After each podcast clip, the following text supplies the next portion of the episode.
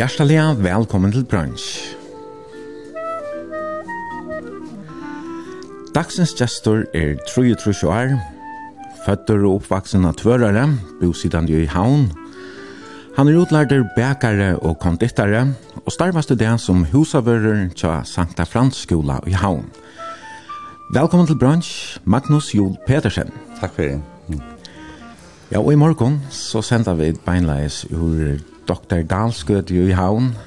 Er to og konadun Lisbeth Tibikva. Ja. Og vi har et fraløft utsøgne iver Santa Gjer. Ja, det er her. Ja. Det er, man er ikke mye krabba kok inn da. Nei. Fjør og noe man. Og tar man seg henne? Ja. Ja. Og det er en vekker morgen, det er godt vever morgen. Ja, fantastisk. Penta så ikke ut. Hvordan er pleier du å føre om man og och dippa om matnarna? Nej, går så på en allt för kallt. Nej, nei, nei. Hvordan vil Lisbeth? Er hun? Ja, hon gjort langt til film, men ja. men det er... Ja. Som man sier, been there done that. Ja, men ja. Det er kanskje at man bor så tatt på og ser, ser det kvendt det, så Og, og alt det kan fære, så får man kanskje omkans. Ja, det er det. Ja, Ja, det er det. Ja. Nei, jeg bruker ofte jeg som for om man sommer er et eller annet. Fisker så vilt og så. Ja. Det er fantastisk. Ja, men ja. Stand der nere, Jan Hein, Trondheim, jeg bare blir stand der nere. Ja. Hon og gonna. Fantastiska löter ofta. Så da du manglar en över så kan du lycka for om man trav nu. Ja, ja, det har vi inte provat. Ja. Glöm sig inne för att det får om man är. Det var i januari man. Och jag får om man och Jeg spurte kona hva skulle jeg ha til døver, og hun sier soppi, og jeg sier jeg vil ikke mettere soppi. Så sier hun finne på akkurat, så jeg leipast jeg av trav. Ja. For om man er oppe på 20 minutter fikk jeg 5 kjølsøyde på middelfjørde og 45 centimeter. Ok. Og så ned. Så nu døver ned. Ja, og hva?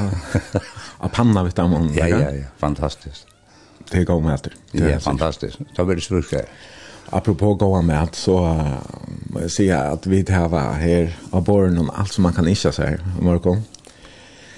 Här är mig kjerpekjøt och rotlepilsa og rörägg, bacon och pilser och vafler och kleiner och ostar och frukter jeg grömmete alltså jag hade ju dagen, i Atlanten er velkommen. er det du som över svinket eller er där konan? nei, nej, konan över svink vi vi er, bägge bollar og, mm. Ruttelbesen och til så igen som jeg jag där men ja, köp ja, där tänker man. Mm. Ja, ja, vi då smakar inte uh, iron og och smakar väl. Eh uh, ruttelbesen, kan man säga. Tack för det. Men uh, Tid bygger så her til, og, og Lisbeth, og hon er oppvaksen her i husen hun nesten, ja? Ja, det er hun. Lisbeth er oppvaksen her til, altså, Solbjørn og Elsa, de har var så tre bøtene, og det er jo Lars og Gunnova og Lisbeth. Ja. Og de er så oppvaksen her i husen. Og det er, altså, hon, hon er Jakobsen, eller Ert Jakobsen, ja. er det gift? Det ja, ja. Jeg spør det, ja. Så, ja, ja. Og er det hun en Jakobsen, eller hun skift til Petersen? Til Petersen. Ok. Ja, ja som heter, men heter stadigvæk Gottfried, Gottfried Pedersen. Ok. Det kommer fra, altså Gottfried, det er jo navnet nirrefra. Ja. Om en helle Gottfried som, som var gymnast. Mm -hmm. Veldig kjent, og i flere radioprogrammer i, i DR. Ok. Her, det, det, det hadde gått. Så hun lærte, jeg fikk eisen disse kvinner som lov i barsel som kom opp og begynne å gjøre bekkenøvelser for å få henne kom i gang efter han. Så det er... Ok, så här... En känd, kjent personlighet? Ja, ja. Mm -hmm. Det er pappa, eller var pappa Lisbeth Eisen, ja? Altså, ja. Solbjørn Jakobsen. Ja, han är ju telefonverkstjörare ja. i i, nästan 30 år. Men, ja. Så. Men han lever så ikke långt, men... Uh, Värmaman, Hun bor uh, uppe, ja? Ja, hun bor opp, ja. ja. Världens bästa värma. Ja. Ja, det er det. Fantastiskt. Ja. Och jag har haft ett fantastisk liv samma vi vi där som jag såg vem levde alltså. at, hej te bo upp jag och och går her nere och och är gott kollektiv här och Mhm. Mm så angår det blandar sig på ikon annan men hej det er fantastiskt och och, og så är godt gott samarbete där. Det är ett godt familjeliv. Och det har varit en flyer button alltså det det eh ja Tine, mine, Tine og hennara og, og tikkara. ja. Ja, no, ja. Hvor bor her sammen med tikkon? Nu bor Elsa heima, som den yngsta, hun er etter. Og så har hun kjeikker ned her, og så... Og så er det Anna Market og Barbara og Rigitz og Silja til Terbik og alle i København. Okay. Og, og her er Anna, hun er ferdig, Anna og, og Barbara til å lese. Og, og Birgit, så hun lærer til tænare, og henne er kong hans, og Silja, hon er, hon er arkitekt, landskapsarkitekt. Ja. Mm -hmm. Og så er det Christian, han er bare i Japan offshore, og han er i, i Norrløden. Det er den eldste sonen til der? Ja. ja. ja. Og han er jo en snøppat, no? Så. Han er jo Oliver George, Nå, Ja? Ja, ja, ja. Og det er jo... Ja, men det er bare langt, langt vekk. Ja, det er det. Det er Luxemburg. Ja. Men uh, de, de vant etter træd nå i januar-februar måned. Ja, ok. Så det var spennende. Mm -hmm. Ja, ja, så måtte ferie være vidt, ja. Ja, ja, men det var ikke. Jeg ferie til Luxemburg, det er fantastisk. Mm -hmm. Jeg ferie å komme her, til at da du kommer her til, og, og til du er, du får tog, eller, eller tog, buss, eller spårvogn, det er ikke som å være i havn, du, du får bare inn. Du betaler ja. ikke. Ah, ok. Nei, det er... Det er åtskjøpes. Ja. Mm Det er fantastisk. Ja. Og en öliga, öliga flott å kopierad land här nere. Helt öliga flott. Mm -hmm. Kjenner litt til det, ja, men jeg, jeg, jeg setter enn i samband med Radio Luxemburg, altså det. Ok. Anker det være til verre, tyverre, men det er jo lekkert. Ja. Men um, Magnus, to um, jo valgt tonelike til uh, sendingen i morgen, ja. Hvordan hvordan har du det ved tonelike? Ja. Er du musikalsker? Ja, det har alltså det vill ju nästan betegna beskriva mig som ja, det, ja ja. Mhm. Mm du spiller gitar? Ja. Og synker det, ne? Eisen, jeg synes det. Kål eller? Nei, jeg sank kål fyr. Ja. Jeg sank jo i ljøm i vei. Så det var eisen en fantastisk tøy. Ja. Ja, nei, så... Nei, jeg tar meg alt lykka fra, kan man si, fra Mozart til... Uh, heavy metal. Alltså det ligger mycket spännande i stora. Ja. Och det är visst du har ju en kvalitet musik.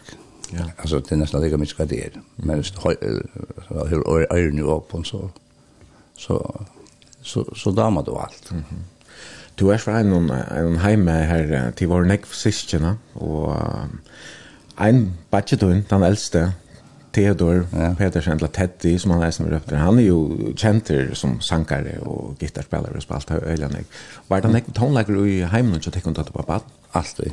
alltid. Mm. Ja, ja, ja, det var, det var alltid tonelager og, og Og var en utvarpet begynte jeg å sende, så, så, så var det Radio Luxemburg, eller Norrmøveren, som kørte til, kons konsekvent. Ja. Ok. Så det er et stereanlegg her hjemme? Ja, pappa med vann er stereanlegg her. Mm -hmm. Pent Mondial, han vann et og i B4, det var en ega vinninger. Ok. Det ble så, kom så i huset og... Så da kunne man vinne stereanlegg i B4, ikke? Jeg minns bare man vunnet penger, alt. Jo, man vann penger, men onkel så vet jeg, onkel ega vinninger. Ja, ok. Og han, han vann det til, jeg glemmer ikke at det er stereanlegg som kom i huset. Han sa, nabbe går ned, alltid tar han janka til fri. Det var for. Ja, ja, ja alltid onker som ville spela akkurst. Ja, ja, ja, ja. Ja, det var det var helt helt otroligt att stolt över det. Ja. Ja, ja. Men nu er det är ogressen touches sist, va? Ja. Og, og kan man si, her teter, og så Arne og så Majbrist, Morit, mm. Dorrit, Jack og så ju Sjølvor, Ja. og Mortan, og Market og Marne. Ja. Så jeg har ikke spurt det, altså. Altså, hva finner foreldrene tøyene ganger vi og en internet å gå. det kan man så huxa syndrom. Det är nog så dött flera av dem. Jag såg vi att tjejer dem är född innanför åtta år. Ja, också. Ja. ja. Vi får prata sen det mer om familjerna så där om Nick och Anna. Spännande som du har upplevt i Moskovslä. Och spännande på Sanchez. Den første som uh, ligger klar her, han uh, ser det tog i samband vi barndomsheimet jo der. Ja.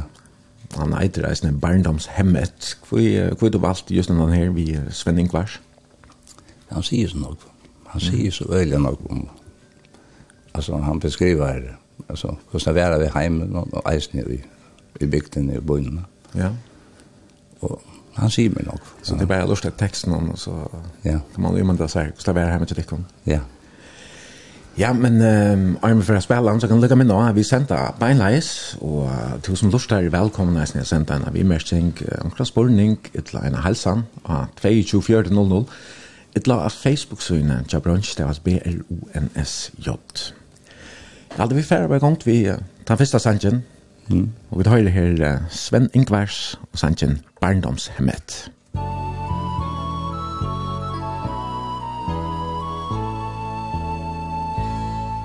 Där som sädesfälten böja sig för vinden. Och där mörkrön granskog lyser bakom den. Står den röda lilla stugan in vid grinden. Som i forna dagar var mitt barndomshem Det var sol och sommar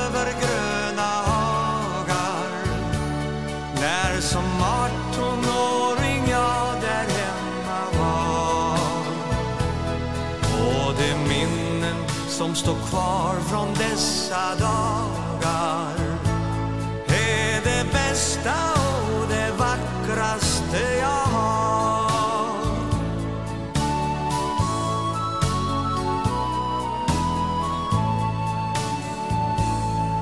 Jag är gammal och nu lever jag på minnet Av mitt hem och mina vackra drömmars land.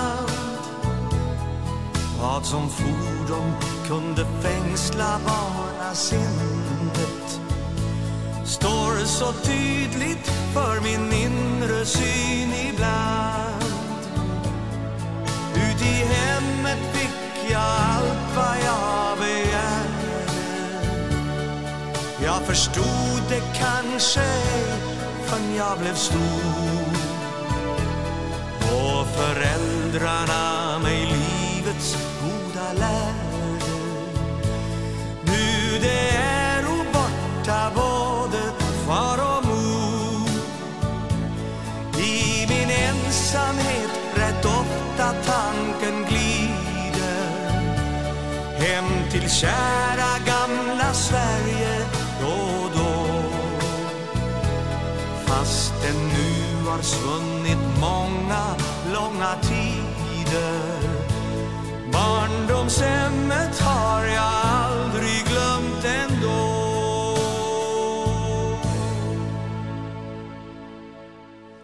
Vi har Sven Ingvars og Sanjin Barndomshemmet.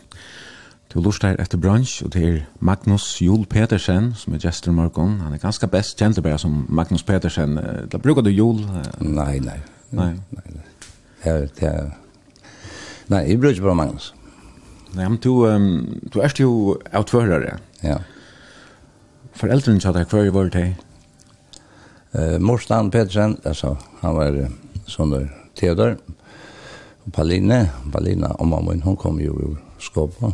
Mm -hmm. Hun var jo siste Lukas og Axel og og han er for jeg og Ja, det var oss nok sist jo. Ja. Jeg vil ikke ordentlig styre av sånn her, så jeg får ikke vassa langt ut. Og, og, og, og mamma min, hun er hver dotter Mortan og i Mortan i Møyren i Røravik. Ok. Ja. Mm -hmm. Og Andrea. Ja. Hon kom av Kragstein i havn. Ok, okay. så, ja. så her er det sånn samma sätt. Så. Ja, ja, ja. Så. Ja, så papen han flott och sår här. Var det 18 år han er møtt mamma till? Nei, nei, det det Han var uppvuxen? Ja, ja, ja, det er är uppvuxen här sår. Ok, han var 8 år her i skåpen? Ja, ja. om han var jo 8 år i skåpen. Mhm. Och som du grät från Arnbjörn har den her sanchen så var det tog syskjen til sammen, så? Seks trenger og fyra jenter. Ja. Og to erst så, hva ja, tre yngst. Ja, fjord yngst. Fjord yngst. Ja, og hvor er en batja? Å ja. Som da jeg var 15 måneder, ta, ta drukna han. Ja. Han var 5 og 12 år. Og, og han, og så tar jeg, han er bare utspilt i ja bare som en Arne var sammen med noen og så sier Arne, vi er vært til heimgå, og sier at jeg kom hjem med en liten løtt. Og, der. og han får så sted, og så Arne kommer hjem, så nei, Morten ikke kom, bare ikke kom. Nei, og det var ikke etter for han kom. Så bor jeg der, og så får jeg leite. Det leite er jo alt det er flyttet kvalitet. Stor leiting ble sett i verk det lærte jeg lære.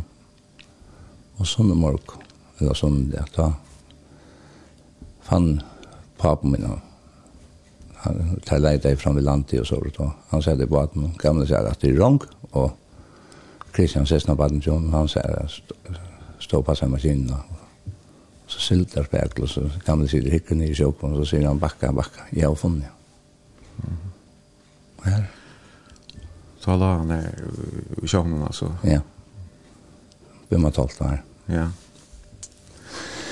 Det er jo litt. Ja. Ja, det här. Det var et herstelig, ja. Det var et han det hendte den 23 september i Trusch. Och och kvink så nu kan budget. Ja. Och han ble født den 23 september i Trusch. Okej. Okay. Samma det som som hin. Hin från Ja. Mhm. Mm og, og han fick så samma navn nästan, ja. Ja, ja, ja. Ja. Så det er uh, Ingrid Badstun Morstan. Ja. Er Det ikke nok så jämnare, eller kan eller han men han höjer middelen. så. Ja, Morstan fra Tröj till Kjern og Charles Rocha. Ja, okej. Okay. Ja. Så tar vi en en, en liten stekker til den her. här inne. Ja. Fyra år. Ja. Ja. Ja. Tam. Det var nog tidigt øyelig hardt på det då. Ja, utan IBA. Ja, ja. Ja, det så självklart. Men det är vær, altså, meira vanligt ha enn det altså, Ja, at, at bötten som spalte, det spalte jo, nek, man spalte nek ner i fjörden, nek ner vid käkvarna, og det hendte meira än så. Ja, ja, ja. Det är drukna. Ja, og og og det er noe, noe av andre som er, er fyrbita reisen ja øron som som av bjerka. Ja. Ja ja ja. Ja, jeg er ferdig for det. fyrir reisen, reisen. Blom halv Europa. Ja ja, ja. Eller vært tatt på? Å, ja, ja. Det går så vei annars at det var bare den her spalt i nek, i fjørene og I fjørene, og i flaggar, så gikk det, og det er en båt, en fra seks måneder før, og det er fyllt han vi tomterkassen og tonnen. Ja, nemlig, ja. Ja, du har vel en mynd, hengkant i her av vetsen ja. her til der, uh, en tøtje drangel, så ikke helt i bra her, men du visste meg enn ikke var det, det var vidtjeit, og Det er stått stortlig mynd. Ja, ja, ja. Her var, så, her var alltså, Albin Morsen och Rock och Torsten och Regen och Georg och och var nej alltså och var och och levde och antaja alltså alltså. Och älskar det. Ja, og det var en nek nek som som var sammen, alltså. Ja. som spalte samman och fylltist och ja ja ja. flockar eller hva det var ja så det var så nog här här här igen och går en en 23 Alltså, och bara kan man tänka på och en session av lockar på touch och så man bara kan ha fyra fem på den just nu right. Ja. Ja. Det var och så om kvällarna jag spela ståfri. Ståfri. Ja, stå där var man fangar så i normala stanta och så vi ser en något jag kom in och snurrar sin och så ser han fri vid den första och så så flyger man på en annan och så andra igen. Alltså en en variant av Craig Blunta. Ja, ja. Ja. Men det var helt fantastiskt. Mhm. Mm och då var det neckbutton som smalte. Och ja, så namn ja ja. Och och det var allt kvitandes. Det som vi är här som vi är från här. Ja, men det kvitandes att föra det. Ja. Jag har bara hört om kvitandes här på i Höjvigen Ja. Men men det är så är det här här att föra det. Ja, ja, hvis man tar till utföra det och så kommer du Västra Dörrabacka och så kommer du Akvitanes och så väst eh, in i Pontaberg. Nej, ända in i tanken visst. Och så Pontaberg. Ja. Och Bedensna och så är så Bedens har vi heter på hotellen Tronsvaj. Där väst i Knöpfälle. Mhm. Och så är det in i Tronsvaj och så där huskar. Ja, okej. Okay. Ja, ja, här Nek vi imensk ötser. Ja, ja, ja. Men, um, ja, du fortalt meg nesten, Joar, at tid, Vi spalte nek Cowboy Indianer reisen og så ungt var det, var det grudge som, som man jo eisen kjørte nek på ja, ja, ja. Kjørte, kjørte ta, ja. Kvittan som et måte var der, ja. Så, og ta var alle mitt, det var den ene kvalen eisen, ja. Det var nok så langt jeg ganga ned, men så grudja, så fektast, og vi svøren, og ja. Gå så bare, gå så bare, gå så bare, gå så var, gå så bare, alltså det var deilig ganske, da jeg begynte i skolan, eller jeg begynte i skolan, da gikk jeg i skolan lærda. Å ja. Eisen, ja. Mhm. Og, men så, så bratt det, så, så er man flyttet. Og klart, oljekreppen kom, då og så fjersen lukkjøl, ja. Man stångte skolan lærda, for jag spør olje lukkjøl. Ja, det tykker vi det väl ja. Jo, jo, nei, men jeg tømte jo en gang skola, for jeg sier takk som det er. nej Nei, ans det at når døver at det var køvlig om at alle sjåfolk. Ta ta den ikke, de ta vel de høyre musikk. Ja. Det var en hel tøyme, du vet, man har nære helser og så, og man lærte alle sanger utan det, så det var fantastisk. Det var det kanskje ikke noe tonlega sendinger i utvartene. Ja, det er synd å si, ja. Ja, ja, men... Nei, nei, men... Nei, jeg tømte ikke, altså, det første året tømte jeg øyelig godt en gang i skolen, Men eh, da kom kom i en annan flokk. Da glemmer ikke den ene læreren så kan han ta og båle og banker alt ut i eit. Mm -hmm. Så ropte han nøvnen opp og så sier han det var en drunk så sier han vi hans hver to sitter her. Og så tar han opp til vågjere så sier han at jeg kjente at jeg tømte ikke nøvnen nøvn men han sier sitter ved syne av honom. Og så ropte han nøvnen vågjere. Da er han så kom til morgen, så ble han med for å sette meg eisen i en av bunch. Mm. Så tok jeg tasken og forsette meg her. Og... Så da han var ferdig, å råpe nøvnen opp. Så sier han, ja, og her framme sitter Sibban. Mm. Da følte jeg som en gleder på å rent i hjertet. Da ventet jeg bare, reiste meg opp, og ventet jeg etter, tok taskene og får på plass. Og det lærer han opp til etter meg. For jeg sier til alt. Jeg sier, nei, du kan sitte her. Mm -hmm så at... Det var ikke kjærlig pedagogisk. Nei, det er synd å si, ja. Nei, altså. At det er jo... Um, det er det... Det er vi råkna som happing, altså, hvis du kjærlig ikke så er det. Ja, ja. Men... Og... Hva skulle det være godt for, altså? Ja, ja. Ja, jeg, jeg har jo spekulerat ut dem, men altså... Ganske vet jeg, for jeg har jo sosialt men, men... Det sier mer om ham. Ja, nemlig. Det er råkna vi hinne bøttene, og... Ja eisen också. Att det, det er så det lätt. Nej, nej. Men... Hur så tog, alltså, hur blev stämningen i klassen? Hur så var tog hinna på den där? Så... Nei, altså, det ble bare takt vekk. Ja.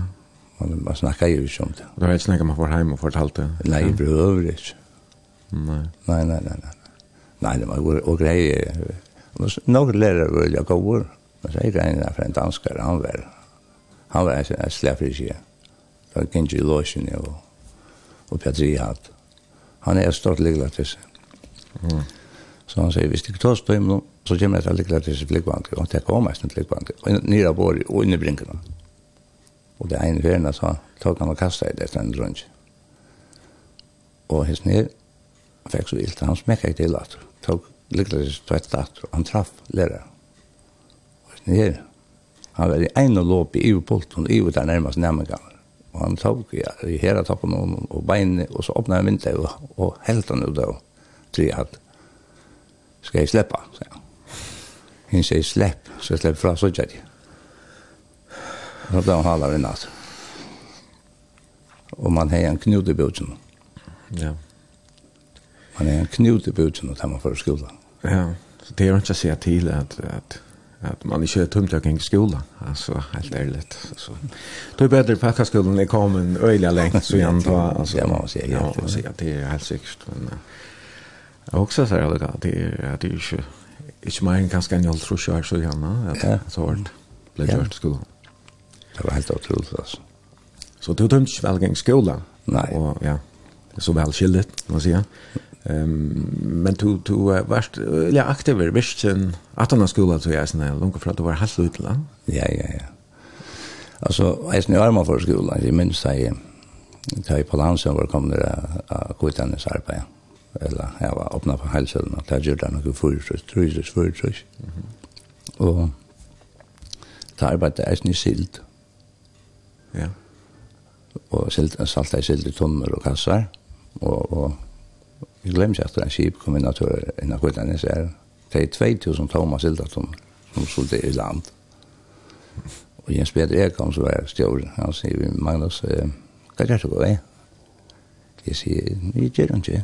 Han sier, tømte å rulla silda tommer. Ja, så jeg får renna og trilla silda tommer ut av fiskaplasset til det. Det er mennene som stakka opp her. Og man tjekker rann her, atlan samlande er jo. Så da klokkan ble halv med seks om kvöldet, så, så råber han av, men skal komme med, kom med. Så han lener fem kroner, så jeg kjønte han. Mm -hmm. Det første fem kroner, eller løn, og jeg sier Så at, nei, nei, så får man hjem til mamma, og Ja. Og gav en det. Og... Nemlig, og vi nekka stolt der. Ja, ja. Vi, vi løn. Ja, ja. Hvor skal man sitte du var? Seks år. Så det var några penger da, 5 kronor. Ja, jeg tror ikke nå. Ja. Det var några pengar. Mhm. Så fikk man et tutjar eller sånt og så rann man om till Gustav. Ja. Och köpte en en strong vi vi kan til sukker.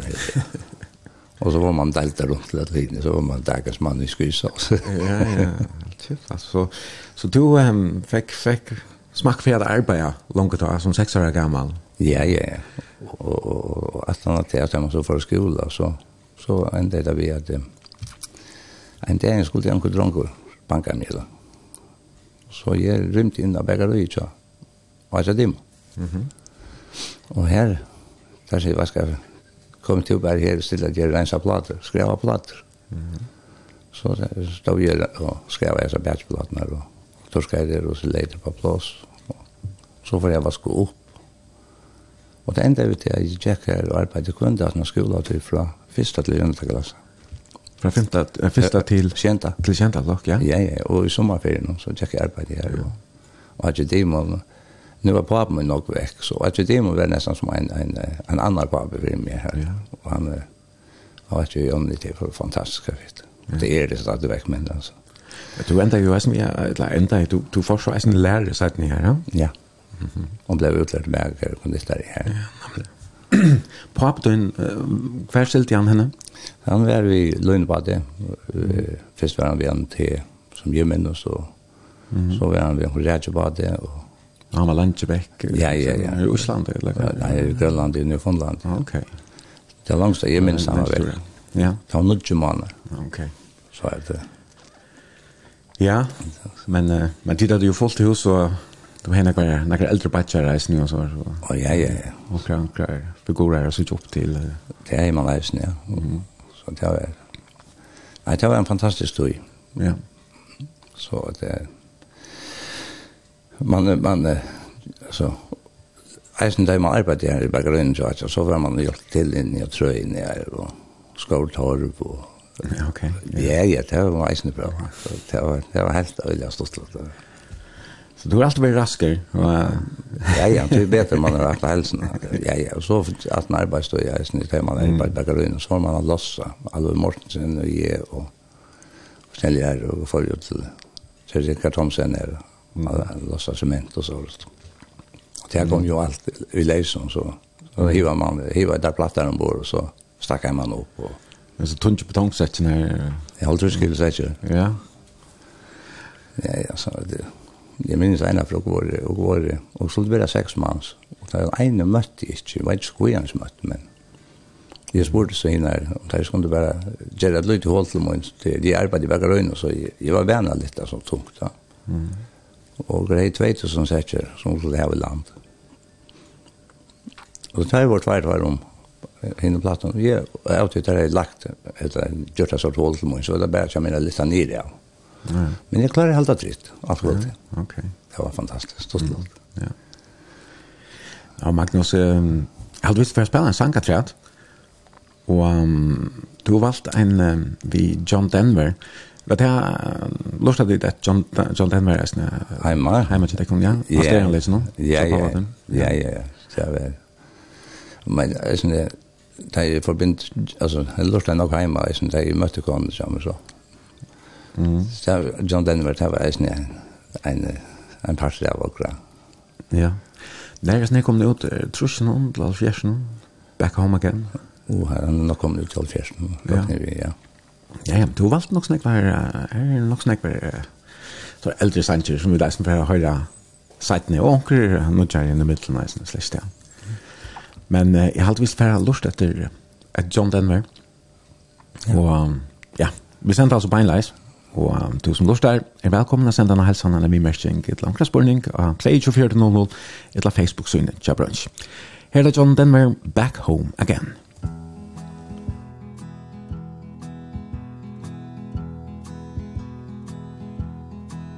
There's a storm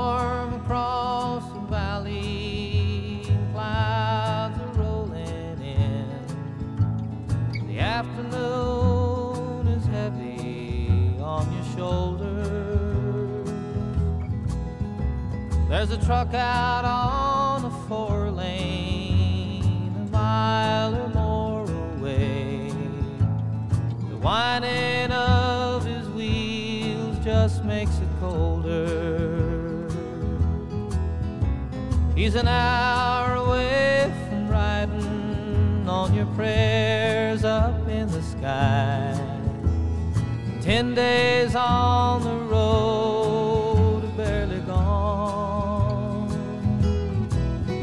There's a fire softly burning Supper's on the stove.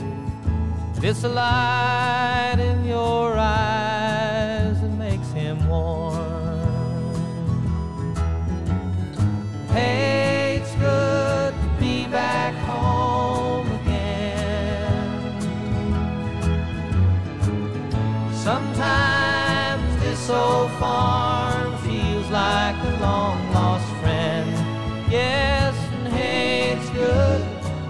back home again. There's all the news to tell him. How'd you spend your time? What's the latest thing the neighbors say? And your mother called last Friday. Sunshine made her cry felt baby move just yesterday. Hey, it's good to be back home again. Yes, it is. Sometimes this old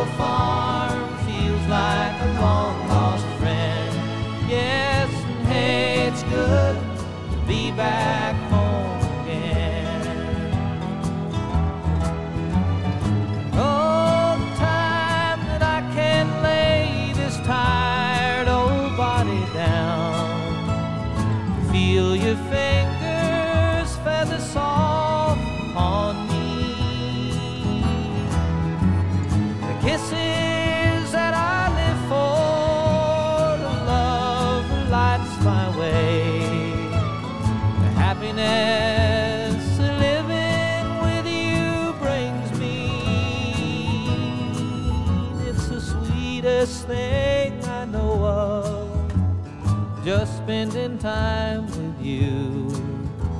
It's the little things that make a house a home.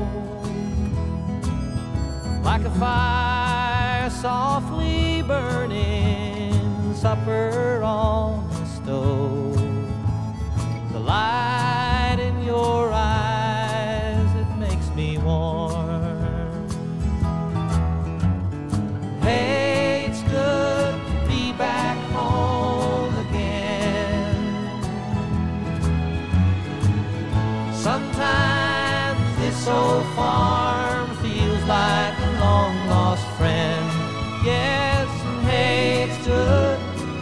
back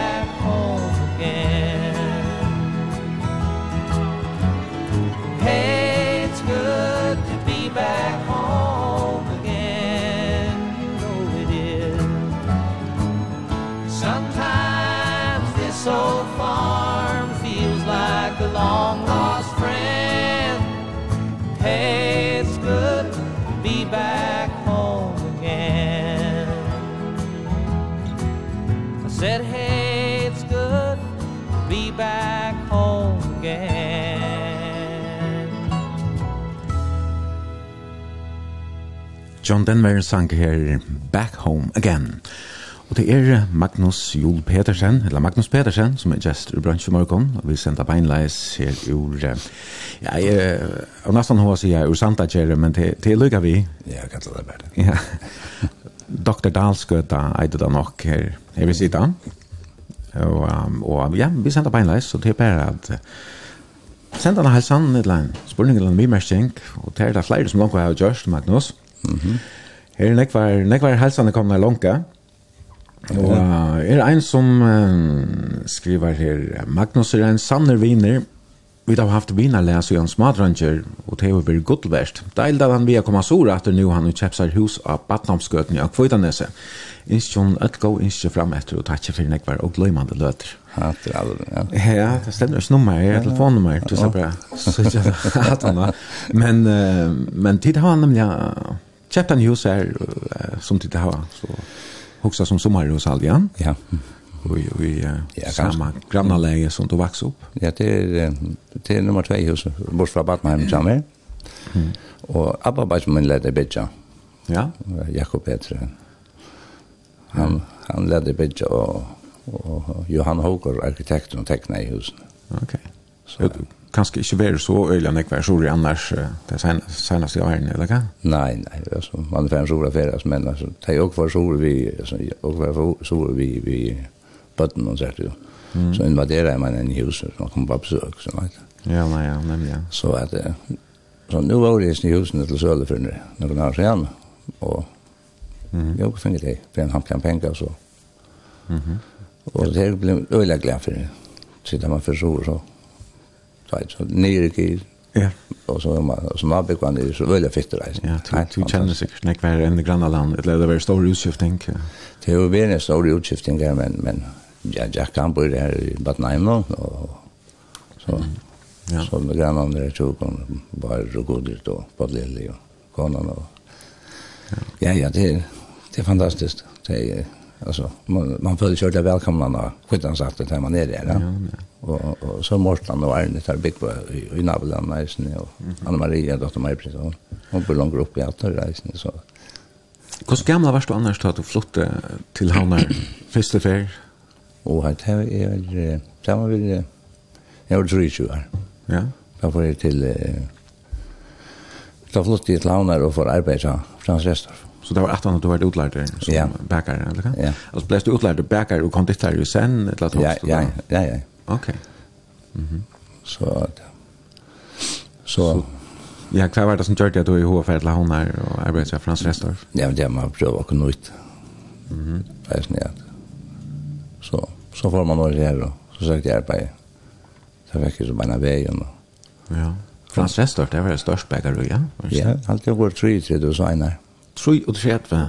Sveinar? Ja. Ok. Og i vi var in där och en seks-åtta lærlinger. Mhm. Og det var det var en øyelig stor fyrtøk. Ja. Ja ja, det var sålde brei til Atlanten eller? Ja ja ja. Det var rundt alla stan. Jeg vet ikke om det var så nok til Sori her. Här så ord eller så var øyelig nok bägare. Ja. Ja ja, her var en en så fyra bägare var ju och Det var nok snakk så småbakker og kring landet. Å, ja, ja, ja. ja. Altså, bare tenke døm at, at altså her er at hører her Johnny Morsen er der breibakker og og, og så er Sof Dimon eller altså, og, så Oslo Gord så var det så var det bakker i kvalpeisene og det var bakker i Porsche og det var det flere i i UI, ja. Mm. Og alla forretningar som var ja, er atører før. Altså, ja. man er kjøtt, kom og unial og, altså, her, så jeg hukte i de gamle TV-båtene, minnes jeg det fra, fra eh 1825 til 1972 eller hva det var. Ja. ja.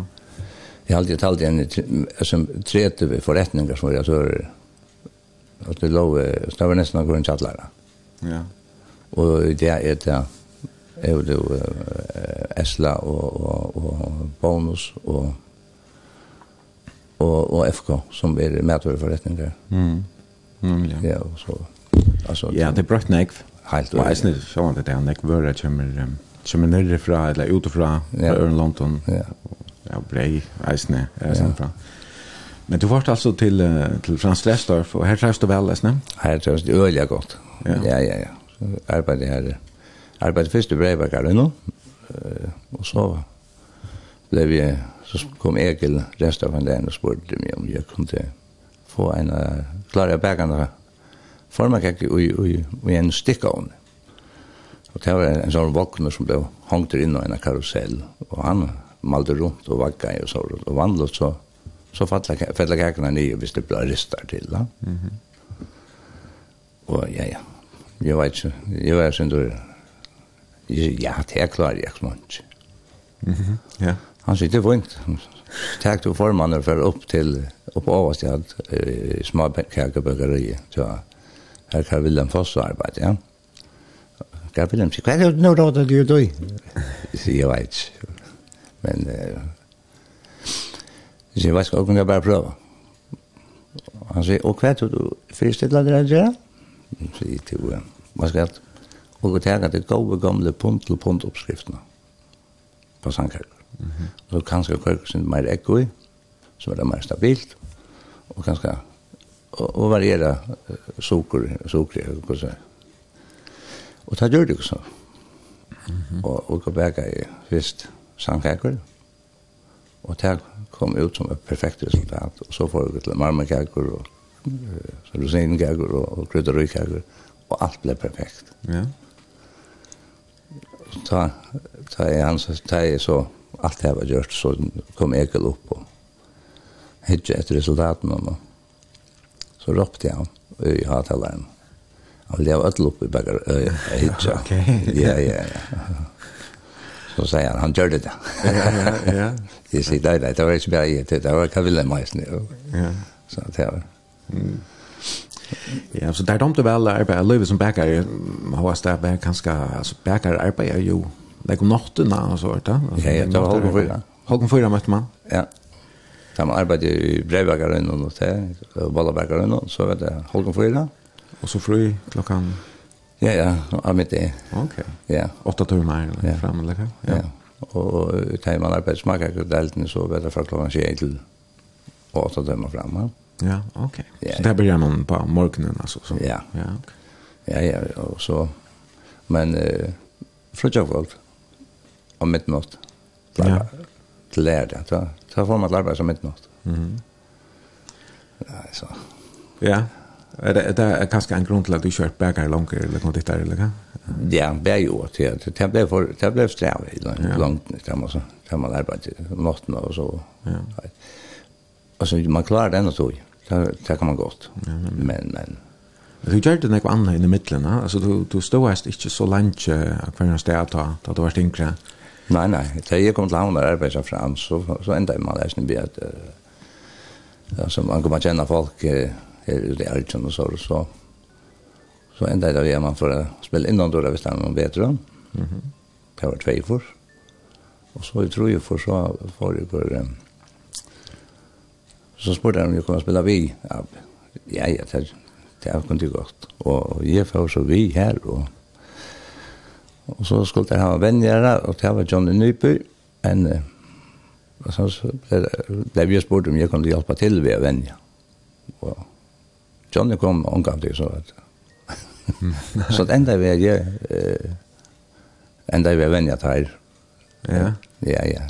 Jeg er nemlig en lortar som skriver av Facebook-søgn jeg sned at gløym ikke ikke slein, altså venjer jeg artjon. Ja, ja.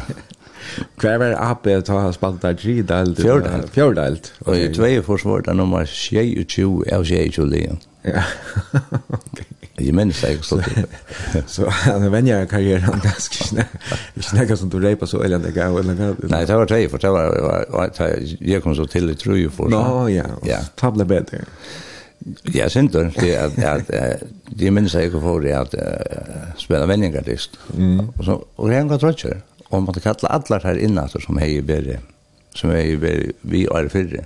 At nå skulle spela vendingartist, og så kom det her her. Og så slapp det liggende banan, så det er rundt i fem minutter, så så har jag det mer och så när det kom ut om jag lyckas låna tröjan då vet. Nej, så finns ju samma alla tröjan där inne så så. Ja, okej. Så läs va, men men det lukas rättligt gott. Jag tror ju först att ta blev jag blev upp nummer nutje Jag säger ju det. Okej. Och ta lei upp ett forslag inn til USF om at öka delten til femte delten så bare åtta likom bojar, ja. Mm -hmm. Og det ble så gjørst. Ja. Så at, det ble eisen i femte delt, og vi fyrir for, det ble arbeid nummer fyra. Ok. Og det var alltid jo ikke bare fram at ja. at og omstundene ble man ikke bedre eisen i oh, ja, ja. bøtlen og sånt. Men du, du spiller så enda der, innan du har fotball til Arjun? Å ja, ja, ja. ja. Er det så mye høtt som ditt lest du vant til å ta? Ja, Ja. Så det är kan man säga nesten heimabana. Ja, det ja. fantastiskt så ja, det. Nu är det bara hugga. Ja, ja. Och, och det är några som spelar och kräva och passa på någon annan. Och, och. Mm. Ja, ja. Men för två år siden, ta, ja, det två år siden, ta sleit i hälsen. Okej, okay, under vänjning? Eller? Ja, jeg har spelat och stand still och drejer mig. Mm. Och så är det så lär. Och så fick jag veta att, att jag blev ett årande som till arbetsamt, eller att spela fotboll. Ja. Men vad säger jag? Mer som ger jag, trots vi som Per Pocker. Mm. Så att när fyra månader, det har ju vant mig så mycket att gå på att här får jag spela fotboll. Ja, okej. Okay. Så att... Men var det, var det inte att du fick en blåpropp i jo. kinnarbein? Jo. Ja. Det var det. Vet jag bara att han då är slit i halsen eller? Ja, så är det det. Okej. Så att Hur så hur så det här då la mig på smärstes där. Det var jag fick gips och jag fick gips och toast där. Mm. Lärde att han fick ju tinja får så öljigt det känner man. Närka så öljigt. Och det här är ju sånt där och så ringte man mamma och i hospitalet och säger att hej så vill det måtte komme komma i och tills jeg kom morgen klockan 8 så sa jeg først, jeg lagt meg skriver, og så nei, nei. Ja, så kom jeg ikke, jeg sier, nei, nei, jeg kom nu, og det var nu. Og så bør jeg så sette meg om til vaktlagene der. Mm. Så sier jeg, jeg kom ikke, jeg sier, nei, jeg kom nu, jeg får ilt. Ja. Og Så får jeg for. Mm -hmm. Så den lakna som tog emot meg, han er, han er autor, en unge lakne, og han, han sier, hva skal jeg teka gips i av, og teka en blåprøve av til. Mm og så sendte vi det til skanning. Ja. Og ja, ja, det gipset ble tidlig av og så. Ok, ja. Så ble det konstateret i en blåpropp, og så får blod blått innan det. Så at... Det var godt han ble oppdegjert da, altså. Ja, og... Og at han ikke var for hvor gjør det. Ja, det var det som det kallet for en lunka emboli. Ja, ja.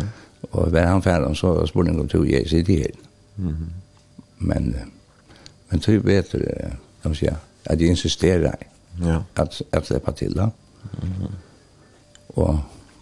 Men så kan jag säga så att det var ett gott arbete. Det är ju ja, lösk och fritt. Och det är ett gott arbete. Det är, ja, ja, ja. Men Magnus, för jag väntar alltid till det här tøyna ta i, i forsen att ta arbete tja, tja Fransa. Och, ja. och jag vänjer vi, vi AP. Mm -hmm. Så ta ta hej då lägg vi imisk störva och du arbetar med landa som murar i att huspunkt att för jag tar för jag tar väl i förvår ta flott ju så ja. för arbete som en rost med där då vad var det som gjorde att du hej hur flytta så rätt tröttra han eller ja alltså jag jag kan vara en dam och här i hamn och och och helt alltså helt mamma var ensam att lämna till öll var flott ut mer eller mindre okej Og så, altså, da jeg var rolig nok til nei, nei, nei. Ja, det helt var sint da. Ja. Så snakket jeg jo ikke sammen, og så får jeg ikke så. Så Som publikum så i åtta måneder. Ja, og du, og du arbeidde som murer til tøyene. Hette du annars snakket rønter som... I vil øvrig. Nei? Nei, nei. Da lærte du kjøtt, eller ja? Altså, ja, jeg tar også leie fliser og så der, så arbeidde jeg i Støybevisjonen, Trøndsvei. Ja, mm. Ok. Man lærte jo ikke fiff. Ja? Ja, ja, ja.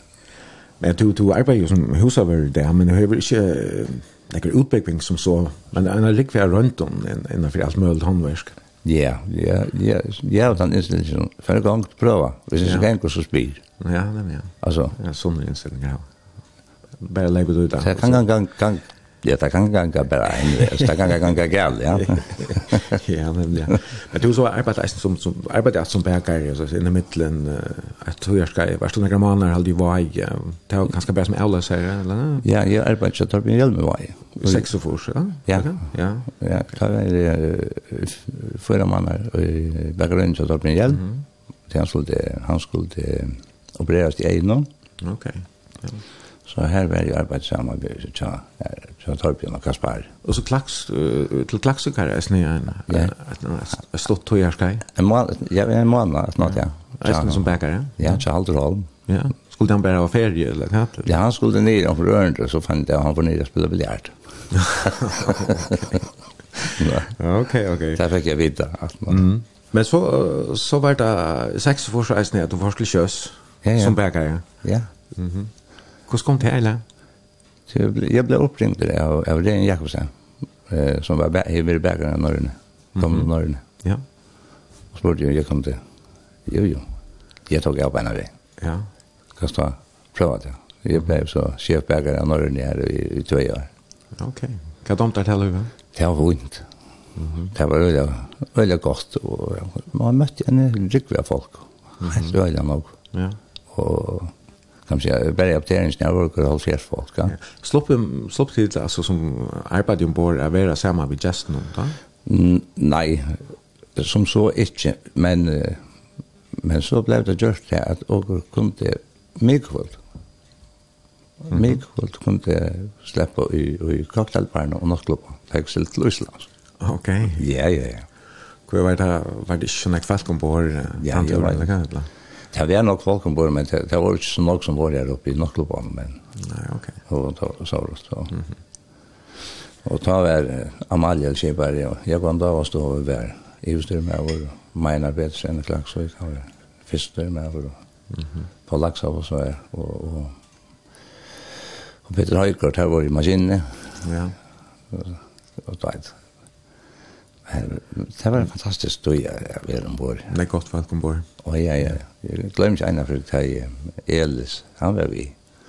Elis og... Som plateventer? Nei, ja, her er vi orkester. Å ja. Jeg glemmer ikke han kom ned en dag inn i bakkerien. Han blåste i Elis, jeg kan være her.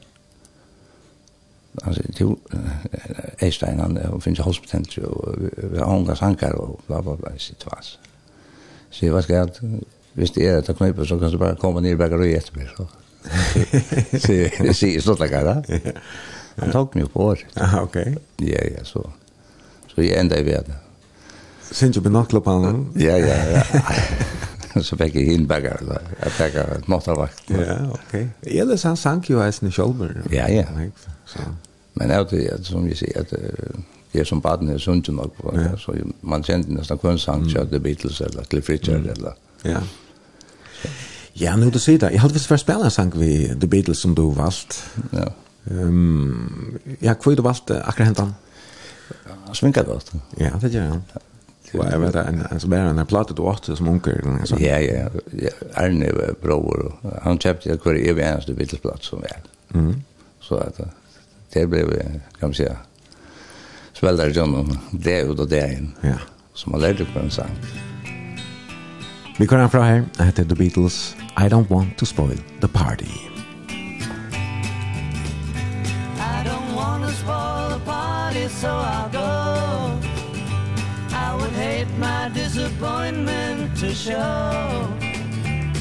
There's nothing for me here, so I will disappear. If she turns up while I'm gone, please let me know. I've had a drink or two and I don't care. There's no fun in what I do when she's not there. I wonder what went wrong. I've waited far too long. I think I'll take a walk and look for her. Though tonight she's made me sad.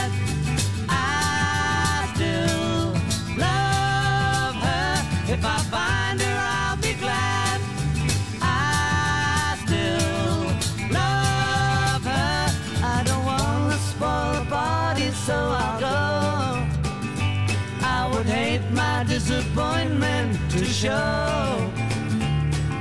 There's nothing for me here So I will disappear. If she turns up while I'm gone Please let me know.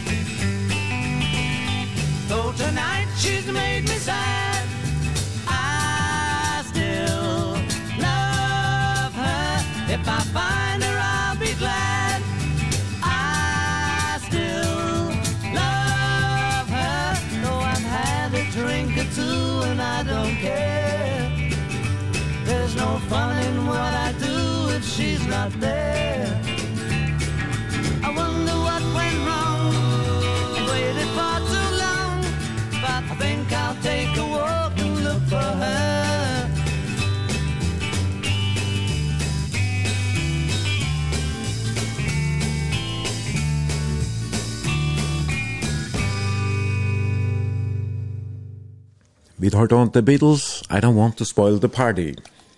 Og til Magnus Petersen, som er gestor i Brønsjømarkon, vi sender beinleis her ur stovene. Køtjen, det er en stov og køker ut i eit. Tja, Magnus og Lisbeth, ja, Dr. Dalsgøter i havn. Vi er utsynne, vi er sandager, og vi er noen fantastiska vel dekka ombord i morgon. Renna, at det etas inte mye en tonläggning. Men eh väl smakar goda kleiner nästan. Ja. Det är det Lisbeth som uh, kokar kleiner. Nej, jag har nog inte köpt den där. Ja, okej. Det smakar väl hemmabäckare. Ja. Eller hemmakokare. Ja. Då. Vafler och vafler. Kärspekött och rotlepilsa och jag vet inte vad.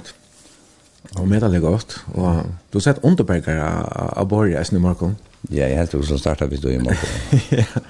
Jag har ju slått att å drekke, det vet du. Ja, ja. De man arbeid, så, men men eh tar de vel å få få det så här gipper nackar til morgenen, ikke?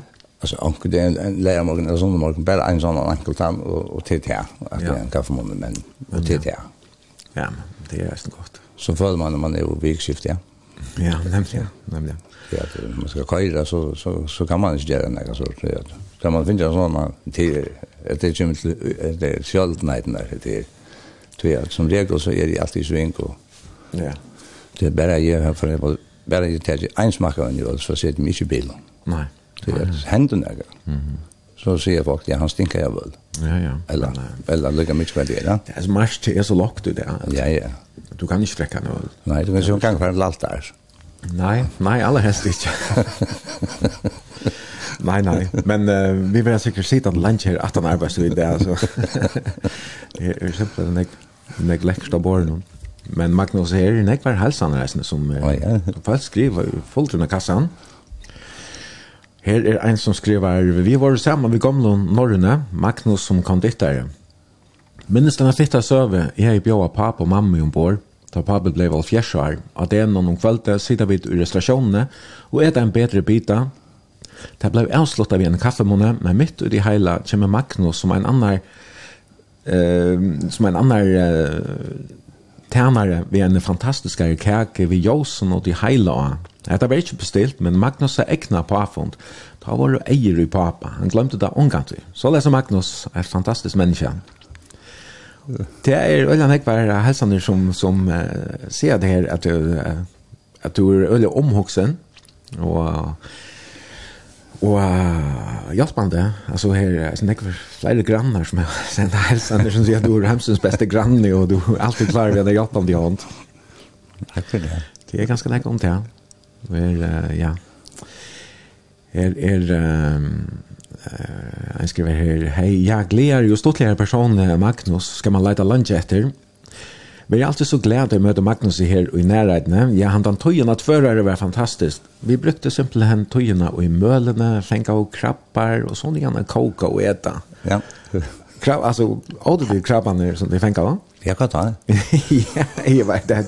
Jag har ju inte fänga krabbar som smattronkar, men, men uh, det var så luttler, jag vet inte. Men... Krabbar och kräkling. Ja. Jag så namn, alltså, man såg föran fläkan in och kvittansbrunna och Ja. Så alla med vi har vi ett ett tills av kräklingar så rensar man det. Och och så är gamla karamellblick och kinser en ball och Mhm. Och man finns ju vita att kräklingar så inte öppnar sig, då måste man inte äta. Nej, nämligen. Och det måste man mätta. Mm. Alltså -hmm. Alltså, världens bästa band då. Ja. Anka Vatnager. Alltså, det här är det här möjligt. Ja, nämligen. Ja, men vi, vi pratar om Arne Sanchen här om, om tøyene ombord av, av Norren, ja. Her du så var bækere ombord. Og her møtte du så eisen eh, Abigail, som er mamma til... Eh, Christian. Äldsta sonen, så där, ja? Ja, jag mötte henne, jag tror det, ja. Ja. ja. Du mötte en outförare och det var et höjarskaj som her du sylte. I Norge. Ja, med norr. Ja, ja. Hva, hva var det hon gjorde i förrjun? Hon var Så hun, hun er enska? Ja, hon är enska. Hon är musik musiklärare. Ok, så hun underviste her, så det? Ja, i cello och, och klaver. Ok. Ja, ja. Så, och byggde husen så här, så det. Ja. Og du bor, bor här, så du tar? Ja. Ja. Mm -hmm. Och bodde inte mamma din annars og Ireland, eller? Ireland bodde inte mamma och så så var så var jag för jag vitcha och då trodde jag bara att morstan och Marner och jag för jag vitcha och och köpte betongstenarna och så fungerade det grev ut och så hjälpte jag på nören att det lea grunden upp själv då. Ok, så du byggt alle alldeles sen. Ja. Mhm. Og, och morstan eller jeg og morstan og bygde så färdigt og Marner han var til Sjosta Tøyna. Han var til Sjosta Tøyna, og så er det, nei, det det ble bare en grunn. Så, okay. så han ble så omgått ferdig ved det, så. Men så hendte det så var det bedre at, at han ble i husen noen nøkker år. Uh, jeg får tenke det slags. Og flott i husene, og jeg arbeidet så at jeg det med natt som bækar. Mm -hmm. Og, og det var så, det var så lite gjerne, at jeg ikke nok at du imot. Nei. Og så en dag så kom det var Johansen og sier, du mangler en mann i skrellen. Så sier jeg, kan jeg ikke komme og, og arbeide? Ja. Han sier, men du arbeider, jeg sier vi igjen, jeg har ikke nok at du imot. Og hvis du snakker vi Atja, så er, så er du Atja nok villig til å slippe meg leisen. Ja. Så tenkte vi at jeg får ur, urberger innom. Mhm. Mm Det var frutja det, og mann og morgen til å starte i Kara Skrell sammen vi Sykvald Steinkross. Og... Ok, jeg vet ikke om det er han som sender denne helsen, men det er en som skriver Hei Magnus Gåe, stått til deg lort etter i morgen. Takk for fyra gåar som skrellemenn til å være fra halv fems til fyra halv fems. Ja.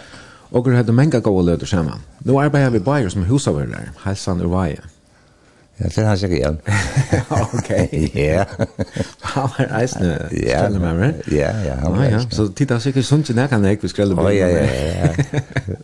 Det var, det var fantastisk tøy eisende. Ja. Sikkert og jeg var Karla Renan og Brynjer Johansen var eisende her. Og ja, ja, Olavur Strøm og Fredrik.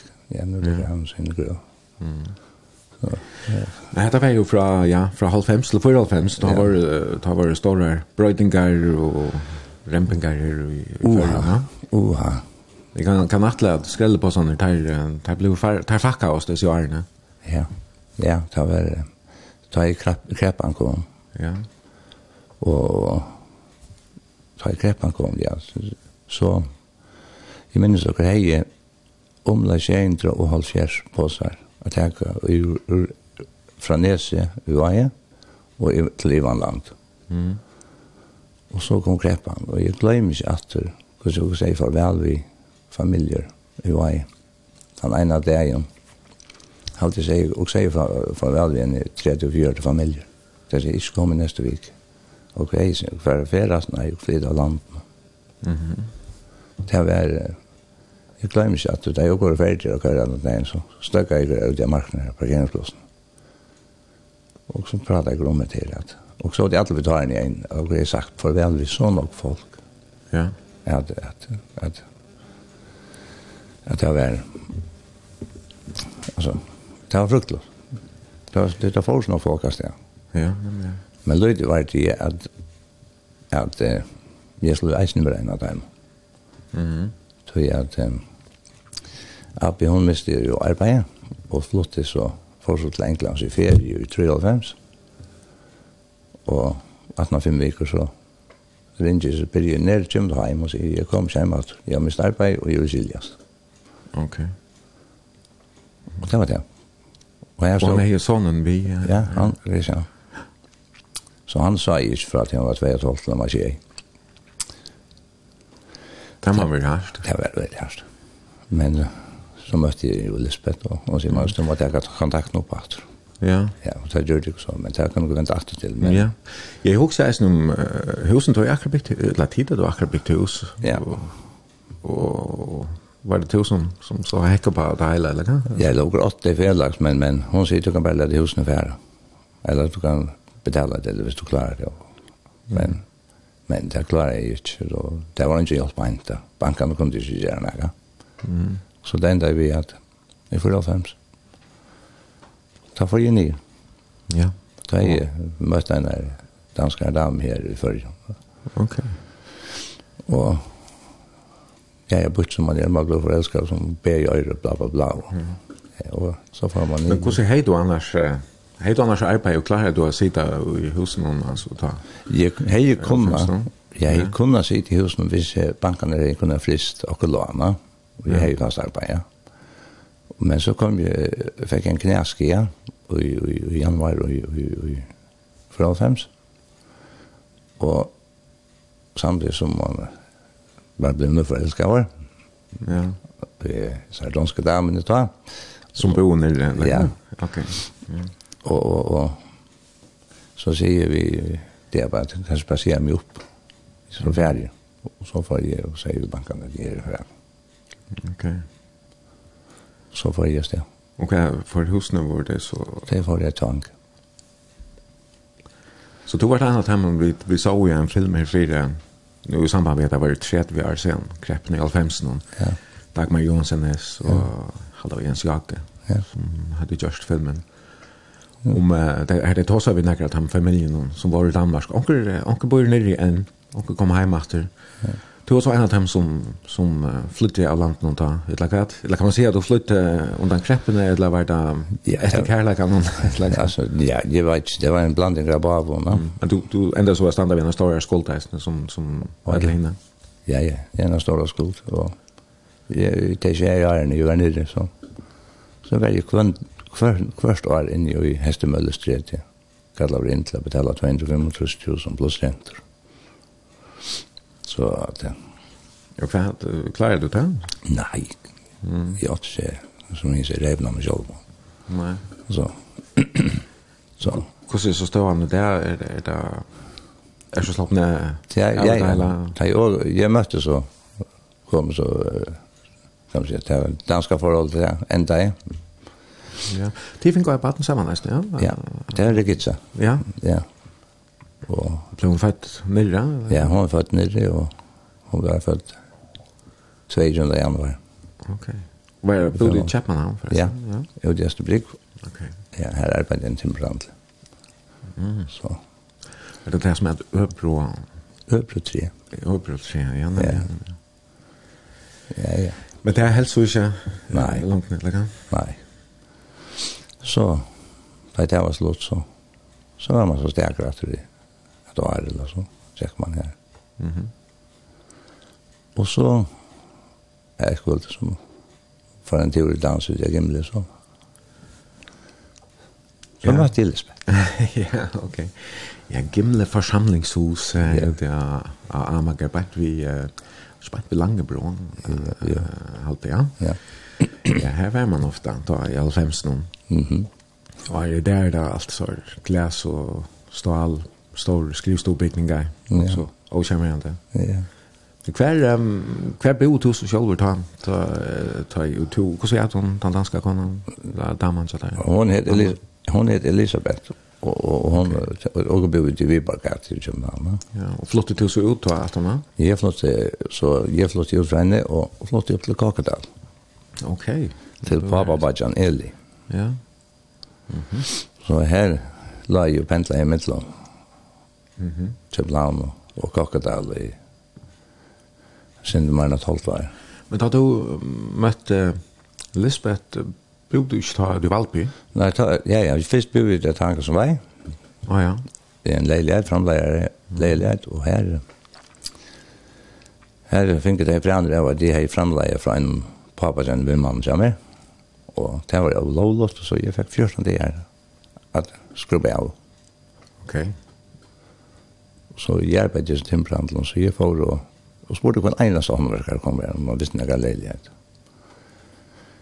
Og jeg hei, innenfor 14 dager hei trutja leiligheter på håndene, og så kom stjåren til Nils Funk. Mhm. Og sier til Hannes, her er eiendom ute i Valby det mangler en trappevasker. Ok. Ja, og han, til han vasker hø høvestrappen en av vikene, og baktrappen er fyrstkommende. Og så fikk man frøya oppe, eller? Ja. Ok. Det er ikke gale. Nei, det er jo funnet. Jeg, jeg, jeg, jeg hadde det ikke. Mhm.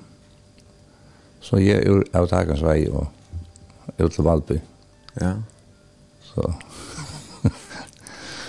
Ja, var det ikke akkurat at du ble husavøren her reisende? Jo, jo. Og så ble det som trappevasker her også. Ja, ja, og jeg kommer kjenne en det her Sven Rasmussen som var, som var, som var husavøren her, eller mm. bedel, og rått. Og, og han visste meg alt det, det hva som man sier røye kørt her og så, og, mm. og pratet godt sammen og så. Så en dag ble han sjuk. Så var han hospitalet, og viken etter var han vekk. Mm. Han døg, ja, som det. Stempel, ja. ja. Så spurte jeg eiendomsselskapet om jeg skulle være visevært. Jo, jo. Det kunne godt. Men så, er det første ferie så du prøver å være husavører, altså? Ja. Ja. Det, det, det var fint. Det kunne godt. Mm -hmm. En annen fyrt du leper ut da. Ja, det var så. Så er det, så, så sier jeg det, du, du brukte å få en nødjan til trappvasker. Jeg sier, nei, nei, dette klarer vi så verst. Ja. Så og jeg tenker bare leie som leiligheten ut. Og til feltet var så vet jeg akkurat som mangler en leilighet her nå. Det var bare ikke min, meg, Ja, ok.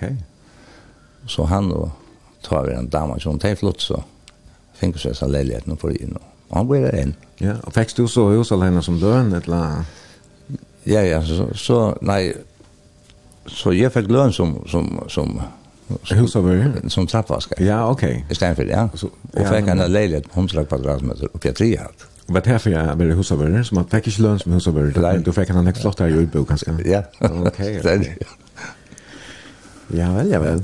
Så här bodde du där i dag du Ja. Första gimle hade här som jag sa kvalitet att möta Lisbeth. Ja, jag jag jag nej, då blev jag tagen så vei, for det var i skiften här. Ok. Ja. Så att Ja, jag mötte henne väl och Ja, ja. Men så gikk han til å gjøre noe lykke troffet etter. Ja, ja. ja. Men, Hon har jo en ena dötter. Ja. En ena dötter långt av. Ja, ja. Så. Hur gammal är hon? Hon är tro i, sier jeg. Ja. Ja, ja. Så hon, hon jag... Bor hon av Bleidamsvejt, eller? Ja. Ok. Ja. Men jeg hadde jag hade å spille en sank Magnus, jeg har alltid valgt en. Jeg vet ikke om det er samband vi da du møtte Lisbeth. Eller, ja. Jeg har nevnt det for meg nå morgen da jeg kom. At, uh, da jeg husker om det, du helt vi skulle spille Hotel California. Ja. Hvor er akkurat hentet sangen? Så ja, det er en sang som, som, som også ble like som hatt av er. Ja. Ja. Alltså att det är en, en, en sang som, som också ble her, like som mm. At det er... Jeg tror det er som bare en... Vet du minner. Ja, samme skal han gå sanker. Ja, ja, ja. Og så kan du lykke med nå en annen affær. Vi sender altså beinleis, og i morgen er det Magnus Jol Petersen som er gester. Og til som lort er velkommen. å sende en helsan, en vimmersting eller en spurning. nå 22400, eller Facebook-synet til brunch, det var B-R-O-N-S-J. Her er The Eagles, Hotel California.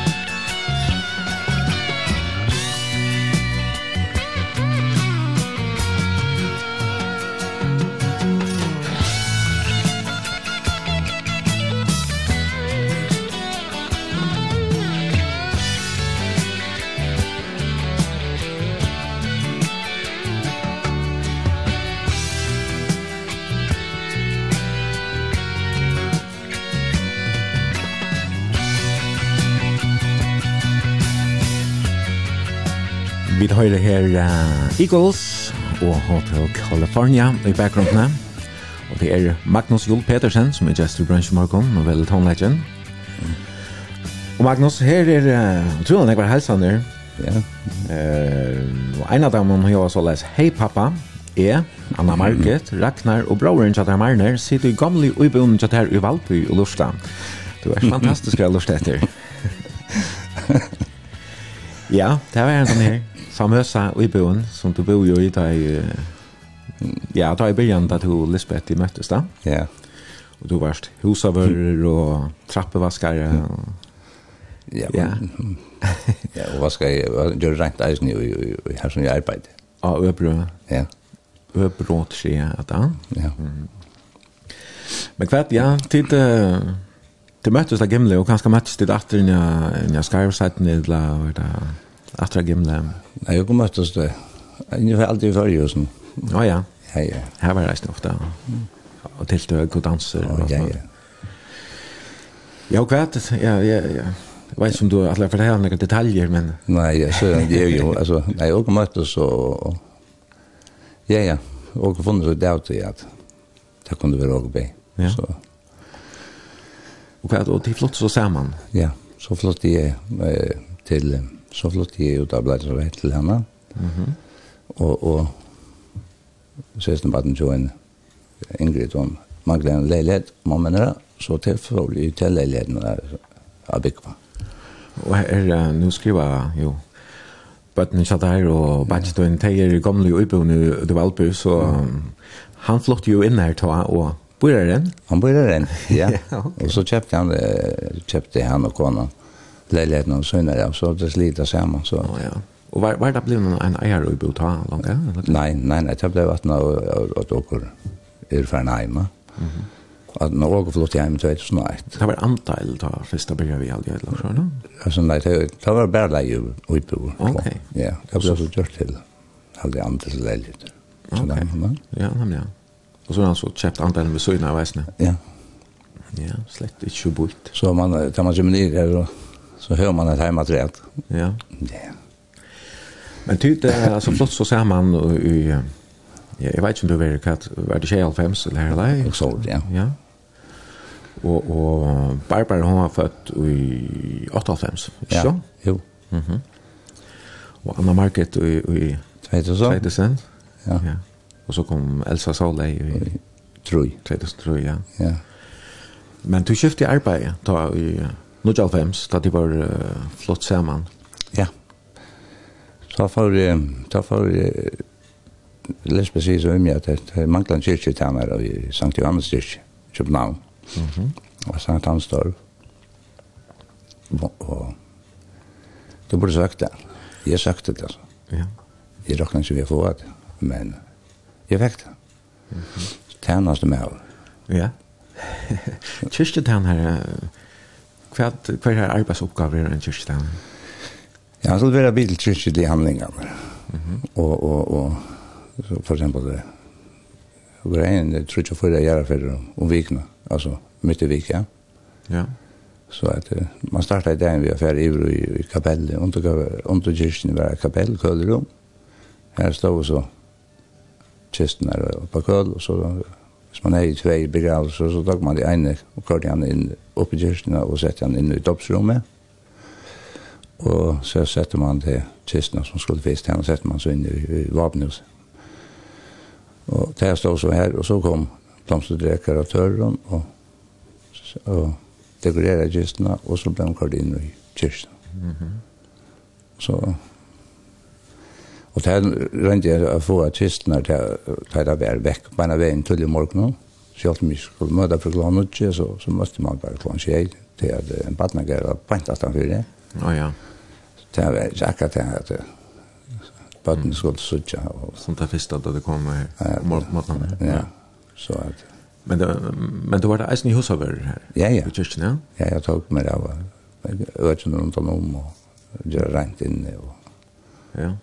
Domt er vel til arbeidet? Fantastisk. Ja. Det var et godt arbeid. Ja. Väldigt gott. Ja, det är det bara alltså bank vid Sankt Hans torg det har det nog så harst omkvarve annars i det har jag vet har varit nog isen då. Det var det isen då. Det var så det tänkte jag vinter på sig eskalera nog så nog. Ja. Vi glömde ju att han ena morgonen och kom upp och får en tur i brett.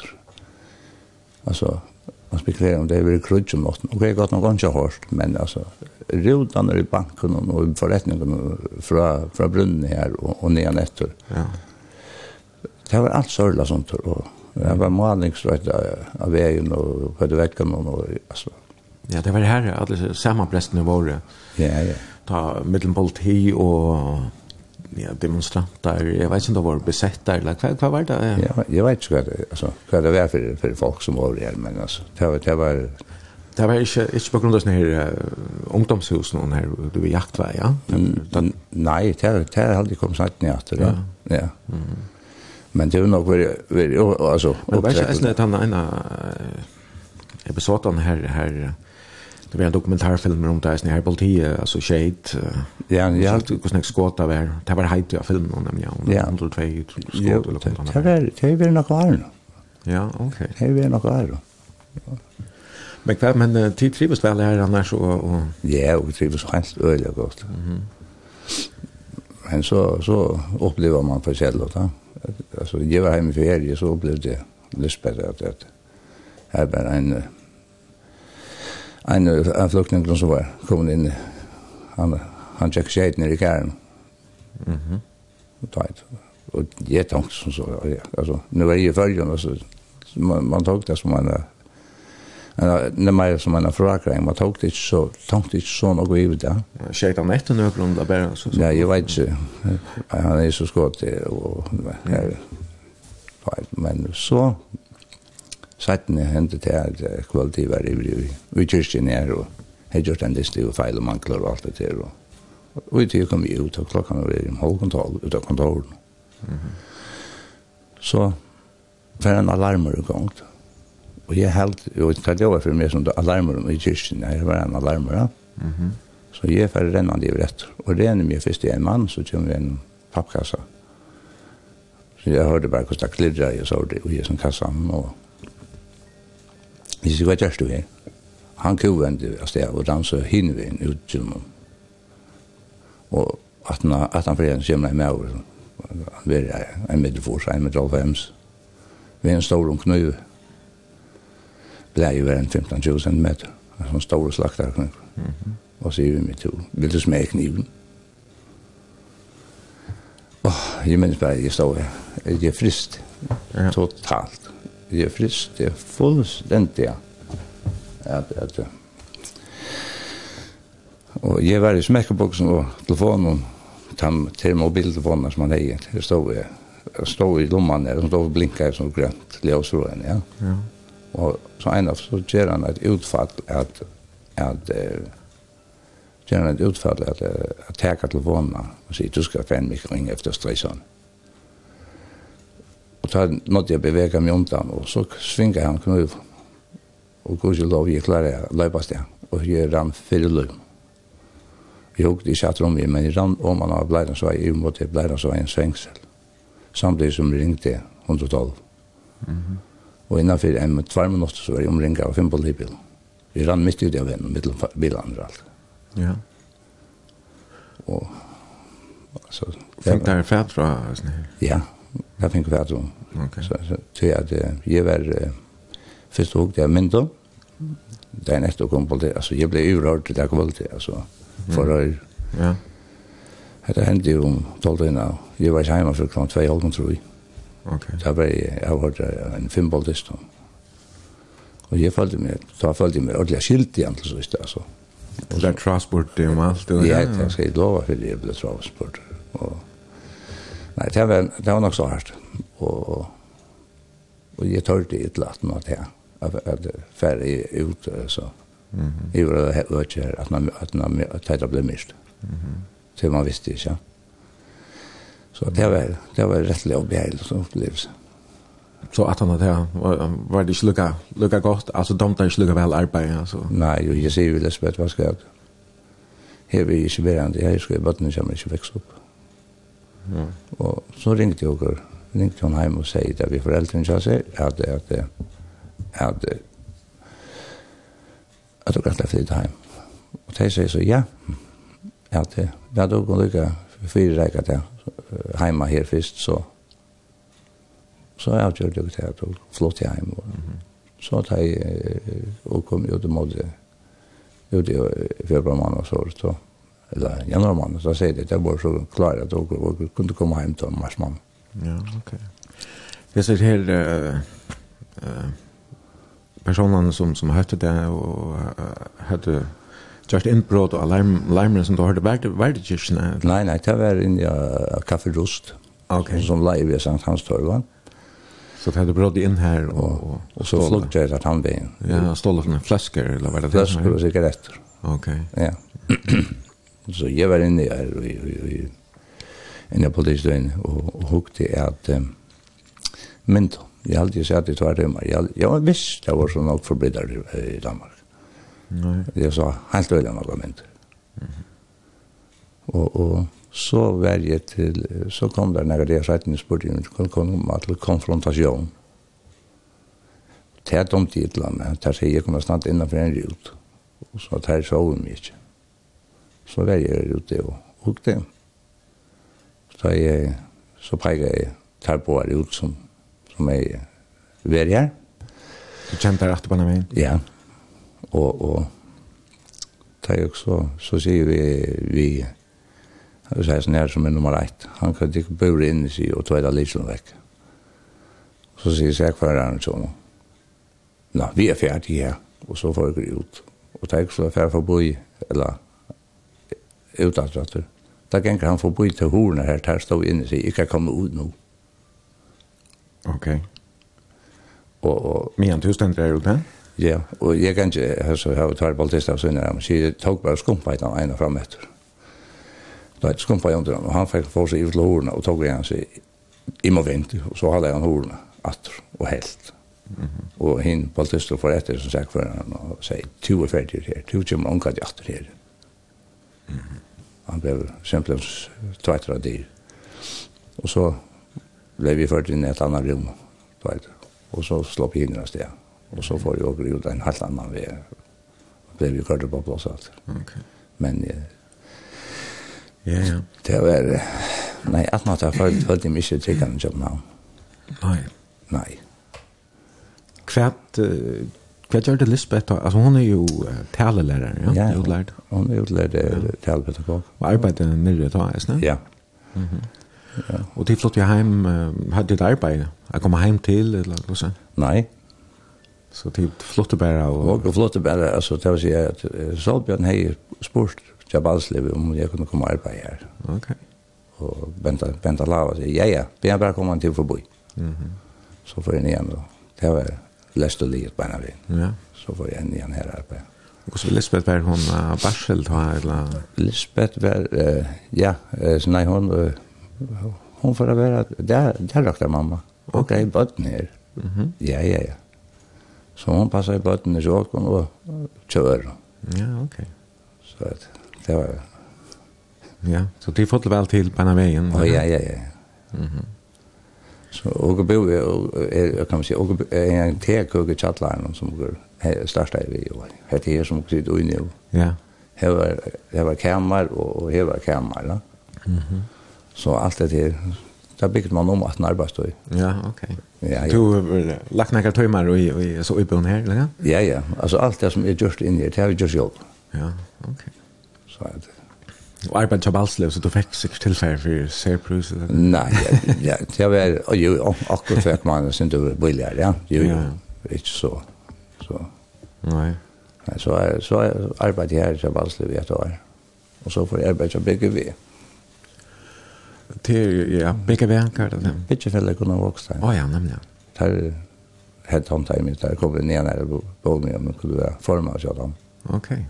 Så säger jag upp och så får jag arbeta vilka vi. Här och hej skifta till att handla kyrkan. Mhm. Och arbeta i tinkas nu. Ja. Og så det lägger nytt tag och eh gamla Maria Chabatlo. Ja ja. Det gjør det så. Og nei, altså, at nå er det, at nå er fem måneder, nei, da er sånn, dette er ikke jeg. Jeg tøy ikke ganger her, og det er, her var anker som ikke møtte jeg, og jeg tøy mye ganger sjelda folk, altså, det er ikke, jeg tøy ikke sjelda. Nei. Så jeg tok bare, og så sier jeg opp. Og så får jeg ned og bent, og så spør de, du er det jeg skal begynne at. ok. Han sier, du kan begynne at det første, første september. ok. Så så vad det här hade varit kanske kanske 2 eller 2002 2 2 okej. Så så här så här varst du några år. Ja. Men ehm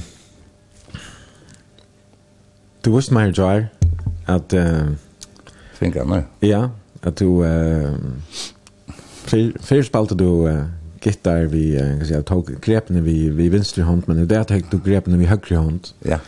Vad var det som hände Til det var 16. april i 2005. Klokka ja. 5 minutter i halv 12. Ja. Og, og jeg stand her, skal skjere en planka på en kunta. Og jeg akkurat korslan i seg, nå begynner jeg å trusta han fram. Nå kommer jeg baden rennende og Jonas sier hun. Og jeg kvartje vi. Og han tog fyrir synder inn, og segen fikk kvæter av fingrene. Og så drar hun til seg, og så får jeg trutje fingrene. Fingrene Ja du manglar det åttaste livet och, och ja. trimma fingron, ja. ta mittaste fingron av vänster hand. Ja. og her, og så den første tanken som kom jeg kan ikke spille gitar mer. Og den neste tanken var jeg sier det så ska och för annars jag ska spela gitarr. Ja. Det var den neste tanken. Så vendte jeg meg vi og slökte seg ena. Mm sier vi kundan, at jeg gjør oss det her, jeg skulle fingra den jammer, så får jeg, får jeg ut. Og så, jeg var inne i ekspedisjonen og sier vi, er ringet til ambulansen. Så Der, hm? Sier ringet til ambulansen. Hm? Så røst jeg hånden og sier, kanskje ringet til ambulansen, ja? Ja. Boom. Ok, ja. Så, så, ja, ja, utavsbetalet. Så, Ja. Og kvart kvart hent så altså ja, man kan ikke köra sina fingrene nå at det Nei, nei, det går ikke. Og, og, og, tar funnit bare så är vinkelsprussar att han största att han min han funnet det ikke att. Han fann jeg att det är nätt själv. Okej. Så jeg har vänt mig vi og, og slagt seg inn, og tog er hans fingrarspruss som slångter inn i lommene jeg kan. Så jeg fann han der etter. Og i lommanen? Og i lommene. Mm. Og her stod jeg hukt i at nå. For å ta det. Sier for alle, ja. Bakke han inn i et alle alfolje og så en last på så kort han frista. jeg, jeg fikk mye stille kvar han vekk. Nei. og, og, og. Nei. Men alltså nu kan ni släppa om skyltar det flänne. jag har inte flänne efter det. Nej, det är så att jag har flänna kan ta. Men jag du kan kan German. Kvat kvat German vi finner alltså man kan Alltså det är en part av John. Ja, ja. Alltså hur så vart det det fick mig slå att vara väck. Nej, det fick ju inte. Lägger han den? Nej, du läs bara fan när jag det så så hon. För det. Ja, det är ju väl det speciella kvar väck. Men det mest är att att att 16 april. Alltså Det var en eit Magnus av messa, ironisk nok. Mm. Ja. Ja, det er det. Det er bratt løy vi satt deg, Det er du miste liga, det åttast liga av fingrarna, visst du ikke? Nei, ikke som så. Tøy at, at, at, ja, så nøyga ting som ikke var tidsit, vet. Men, men, på hinna sånne, det er jeg fann fingrar i lomma.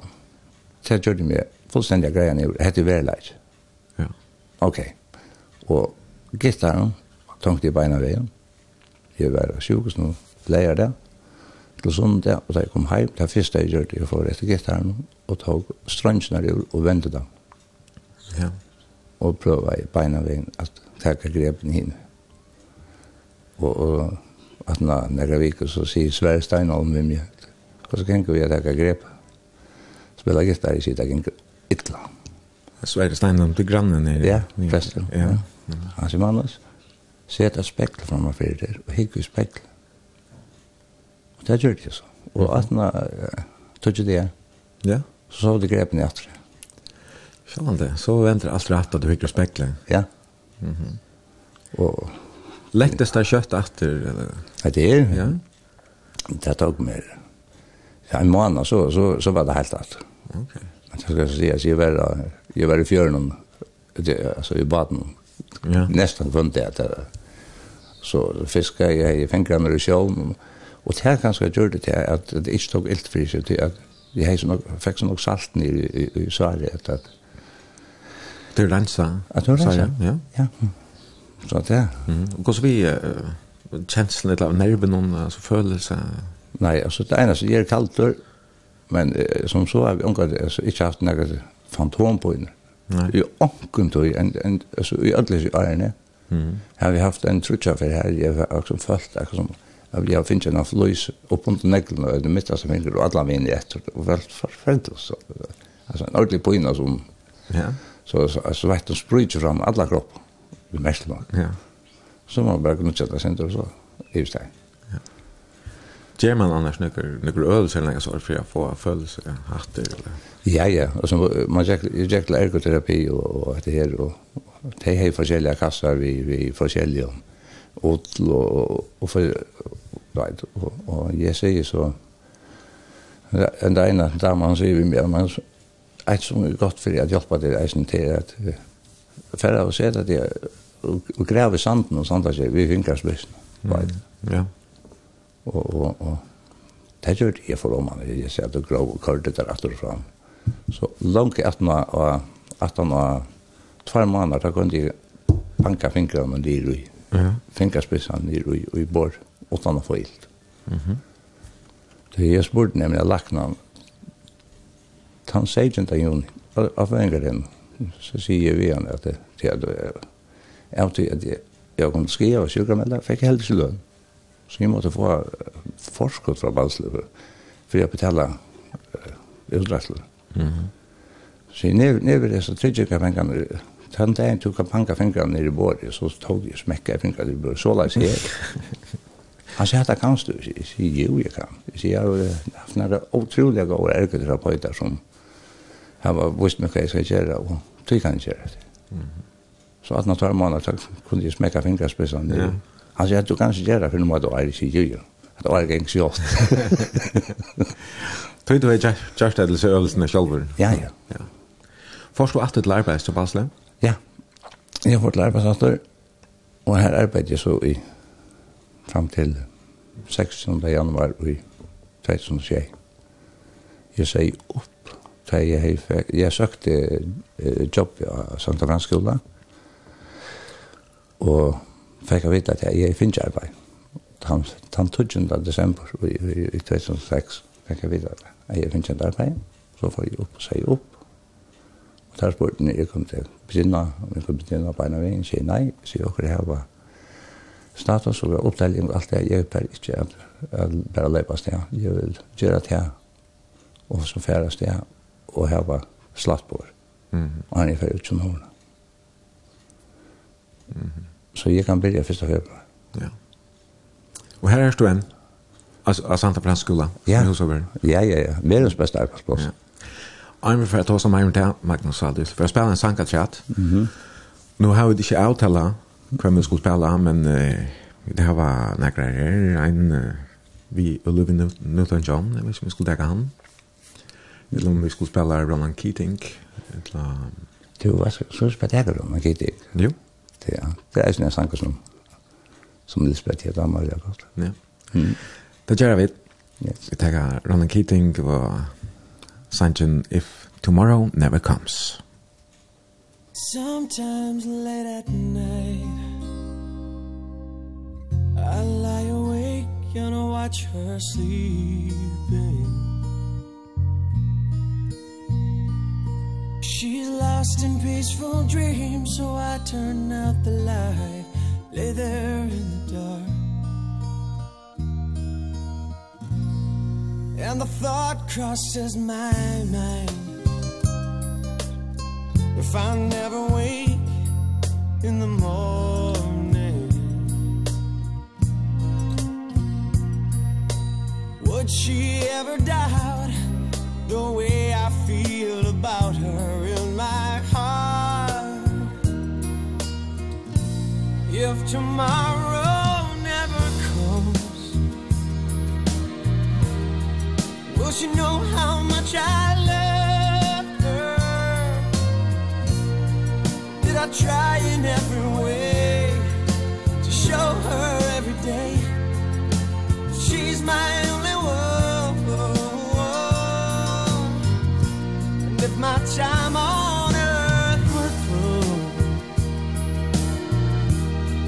must face this world without me.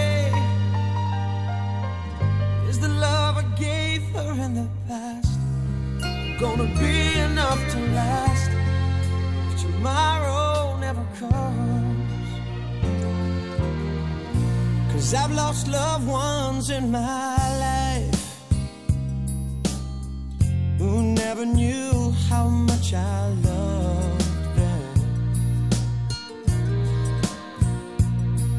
Now I live with the regret That my true feelings for them Never were revealed So I made a promise to myself. Say each day how much he means to me. And avoid that circumstance Where there's no second chance tell her how I feel. If tomorrow never comes I wish you know how much I love her? Did I try in every way?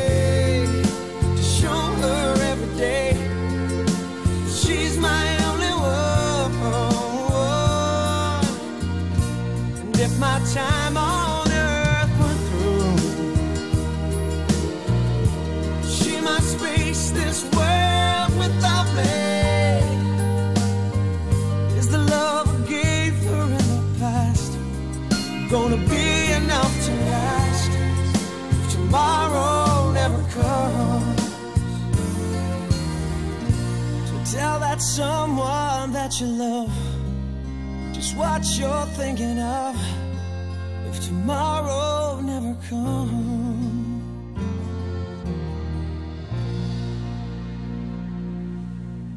If Tomorrow Never Comes. Vi tar da Ronan Keating, og det er Magnus Jol Petersen, som er gestor i Brunch i morgen, som vil tonleggen.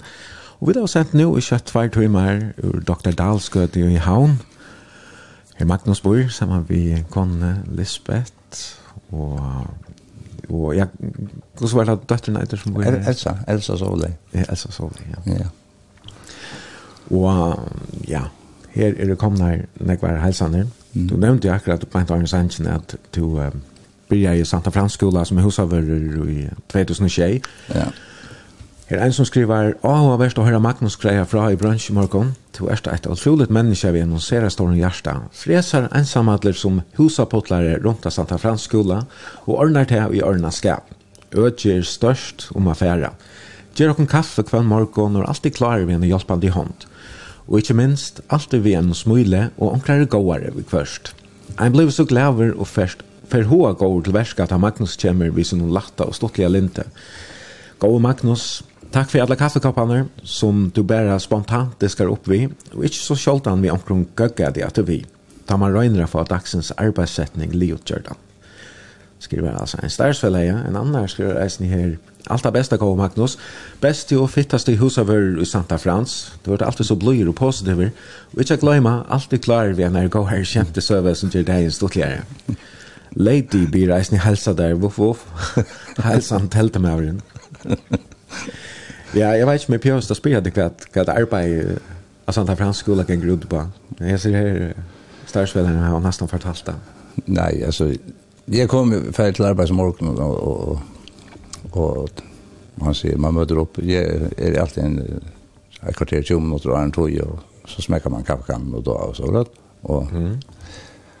setter en, lägga kaffekannen och där fint och så och så får man igång då. Ja. Men bara det att i har selv så deilig at man eisen tar i arbeid av det er man møter opp og går hvert tog kjør kaffe og så kommer folk og så det kan seg seg nyer og få en kaffemån og høre prat. Og til jeg har det så leis at at inne i skolan her nu altså. Det er som en stor familie. Det er også er gå kvar annan og ta som alt og det er faktisk rettelig sjølvsamt det du har en fantastisk fellesskap. Så jag öll är det, kan man säga. Ja. Alltså, och vi kommer kvar nöden och vet. Men det er nok så stor skole annars, och Batnakaren hör han vi ens? Nej, Batnakaren hör inte vi. Nej, okej. Mm. Är det fler i hus över här? Nej, och då var det trutser da jeg begynte, mm. alltså på lands, Justinsen og Martin Høystedt och jeg. Martin, Martin var halvare tog. Och så, men så så får Martin på pension og så får Paul fra mm -hmm. og fra det han får og til han det er ikke et halvt der fra det han får ur skolan og til han døg så til jeg mm ja. og så da så har vi kan vi säga så fikk jeg en nudjaman eh, satt ned og han var nøgrar og, og han får så han får så ble sett i et annet arbeid til at man gleder som noen husavere, og, mm -hmm. okay. og så sier han opp, og så får han. Ja. Så nu var så ensam att det här. Ja ja. Men kan nu Jack är själv i Santa Francisco som på 18 till att jag en gammal skola. Ja. Och den allt var ju tre. Ja. Jag men jag tar helt och så vidare räknar vi det än. Nej, det är det är inte. Nej, det är det som blev den största byggningen alltså. Den stora byggningen igen efter den blev renoverad och och allt tre blev simpelt till jord. Okej. Och det är dubbel gips alla vägen. Okej. Så det är inte så brännbart som som det halta. Nej, nej, nej, det var och och att det första jag mest till där jag kom i skolan här och i Sjej. Mm. Här var Angela Galamer. Og det var det første som jag tog seg vid kommunen om og spurte Og det gick allt annat så kände det här att lägga lägga röjkalarmar och APA-anlägg in. Mm. Så er det ta minste röjkalarna som kommer eller bärstöv till några avvärska anlägg till att färgångt. Mm. Så att det är tryggt og og brannrøntna som har haft av skolan hon har til at att och, och klara tömma skolan på tror jag om något och skit eller så gott. Okej. Annars er han konstant där skolan, ja, eller? Ja, som så är han, ja. Ja.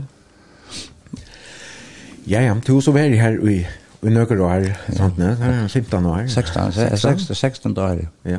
Ja. Og her var det värande. Ja, rockni. Det rockni vi. Ja, du tror ju tror jag. Ja, ja. alla då var fra. Då det var tjej trus. eller? Ja, hvis det er möjligt så gjør det nok. Du får ju klara binda fri, ja. Nej, vad ska jag göra sen? Ja, men ja. Ja, ja, et åtta man affær, Mhm. Och och så i 2015 så kjøpte jeg en Stigfjord fra från en kollega. Ja. Och och han bara någon ju så arbeidet nok vi og jag tog honom upp här nere i alla kyrre och så kom jag samman med här badatanasen, ja. Ja, ja. Och då arbetade Markar Skarsa. Han är formann av nere och han är och det är så väldigt goda vinner. Mm -hmm. och, och Birger och Alfred och allt allt. Ja. Niklas och det som är gärna. Ja, men... Alltså, så är det i festen när så får jag hjälpa Markar och det var ensam att lägga badar upp. Mhm. Mm Så er du arbeidt for badatansleisene? At en arbeidsstyr, ja. Ja, ja, ja. Jeg er nemlig en halsanleisene fra badatansleisene. Eller åkne av dem, jeg skulle være deilig å høre deg i morgen, Magnus. Takk for nekva gode løter av badatansleisene. Du er blodja og latta sin, hvor menn kan stitte og løter. Takk for det, ja. Ja, ja, så det enda er at, altså, Marga sier vi med en ene dagen, at man sier sommerferie, kan du, kan du ikke høre den der, trettjene, og la badar opp, i sin du ikke. Kom ned, vi skal lære det. Så sier jeg mye å gjøre så jeg prøve det. Mm. Og så sier han ikke, du skal bare gjøre som jeg peker, Og så setter jeg en bad fra meg her, og tok han opp, og så setter jeg han fra meg. Og, ja. og så tar jeg heiset han fra meg, og sier han, futt, nå kan jeg føre ferie. What? alltså tajt och klara sig den här i mitten. Det var det kan inte få handen i mitten och handspretten i mitten på abaten så vi sett han i mitten där. Så det är klart hetta så klarar du allt. så som vi snackar om ölen då för en halv tid så då bara Ja. Kasta du det där, lopp nu det där. Ja, ja, det, alltså, det kan bare gänga galt hvis det, er, ja. Du brukar näka tog i bara bara någon annars. Så ja. förutom är snö också. Ja, så nu har vi inte så något, i år har vi inte haft så något tog i, men, men är det en löta, så löper jag det. Jag spyr, jag hörde att Magnus och Niklas var och skott och svartfågel i vikna. Spyr han kostar Jack? Det är Jack Point. Ja. Bortsett från att, att, att råga ena tjogen, brott nej. No, okej. Okay. Så, så är det, ja, jag måtte släppa det efter. Okej. Okay. Men att det är så som kan hända. Ja, Så gott jag har Gå förbindelse till båda till hans nu. Ja, så nej. Ja, ja. Så jag fortalte för bara om en morsan. Ja. Jag skulle ha ha lomja till dövra. Det är inte lomja i i, i, i fjördiga. Nej. Så sier han, ja, ja, så du begynner å sleipe en lamp, ja. Ikke skatt man med sleipa. Ja. Ja. Ja, så de finner oss inte det kan. Ja, det finns några. Ja, ja. Ja, så det var fantastisk. Ja. Så, vatten här du at uh, bruka inn og på, og så har det ju som just nu, att vara det här sitta i snön, det kan gjøre. Ja, ja, man vill inte arbetslös, så hvis man ikke er så vill her inne i skolan så er man her etter så. Ja. Så då fotboll till nice nu så att och ja ja så så. Kan det är en träff en vikna till till spela samman. va? Ja. Mhm. Och går här vart så där så går och spela och för mer röst ja så röjer man inte fanka det där så tajt. Så vis man vis mer än fem på så är det färd och och och och grans efter kvarnör. Ja. Och det är väl det tog ett motto i så bara man är nog. Ja. Det var det att den där jag begynner skjeldast. Mm. Ta i mine frutører, så gjøres det. Så skal ha frutører, det her, her det er jo da godt og høyt stort mot. Ja, men det er godt å klare det. Det er nok ikke alle som, som klarer det. Som, som du bare blir bare for heiter, altså det der. Ja, som... Og... Ja, bare derfor skal skokkene på, så kobler hele nyr. Ja, men ja. Altså, det er jo, det er ikke meningen det. Nei. Så skal jeg kunne leve her og stort og her var gå en felleksvær. Mm. Så det som gjør sammen vi her, och det passar så gott på någon annan och här var det så stort till sig samman. Mm. Magnus här då jag var halsan en skrivare är här en halsan till fotboll vi nog Magnus hade punkt i vikne är att spela fotboll vi Magnus och Arjun mycket kväll. Här är alltid god stämning och Magnus styrer troppen hon så just mycket kväll. Och så er det en annan som skriver her, så gode tonelager du vel, Magnus. Ikke iverraskende, så fantastiske dansere som du erst. Mm. Det er du ikke nevnt noe om, at, at du... Uh Er det en uh, fantastisk danser, ja? Nei, jeg dømmer ikke det på. Nei, jeg, var klar ikke. Nei, tar man tjekkar så det, så tar man være så kommer man så og så Mm. Så så systran det lärde jag en att dansa isen, ja. Ja. Så prövar man sig fram men det var så. Så var det grejsen. Marna Nilsen kom så hålla dansa ska jag ena för. Mm Men ta allt det var. Ta ett vecka så mycket gott det. Ta hon skulle visa också. Baby har där det går väg. Kom till visa. så att och att när man är väl nere och skola i Norrköping så så kom hem och får dans och mm. så begynte jag att kalla mig för Travolta Magnus. ok, er det så løst å danse her? Så Lisbeth har svingar rundt at nästan ner. Ja, ja, hon som har smörjt upp.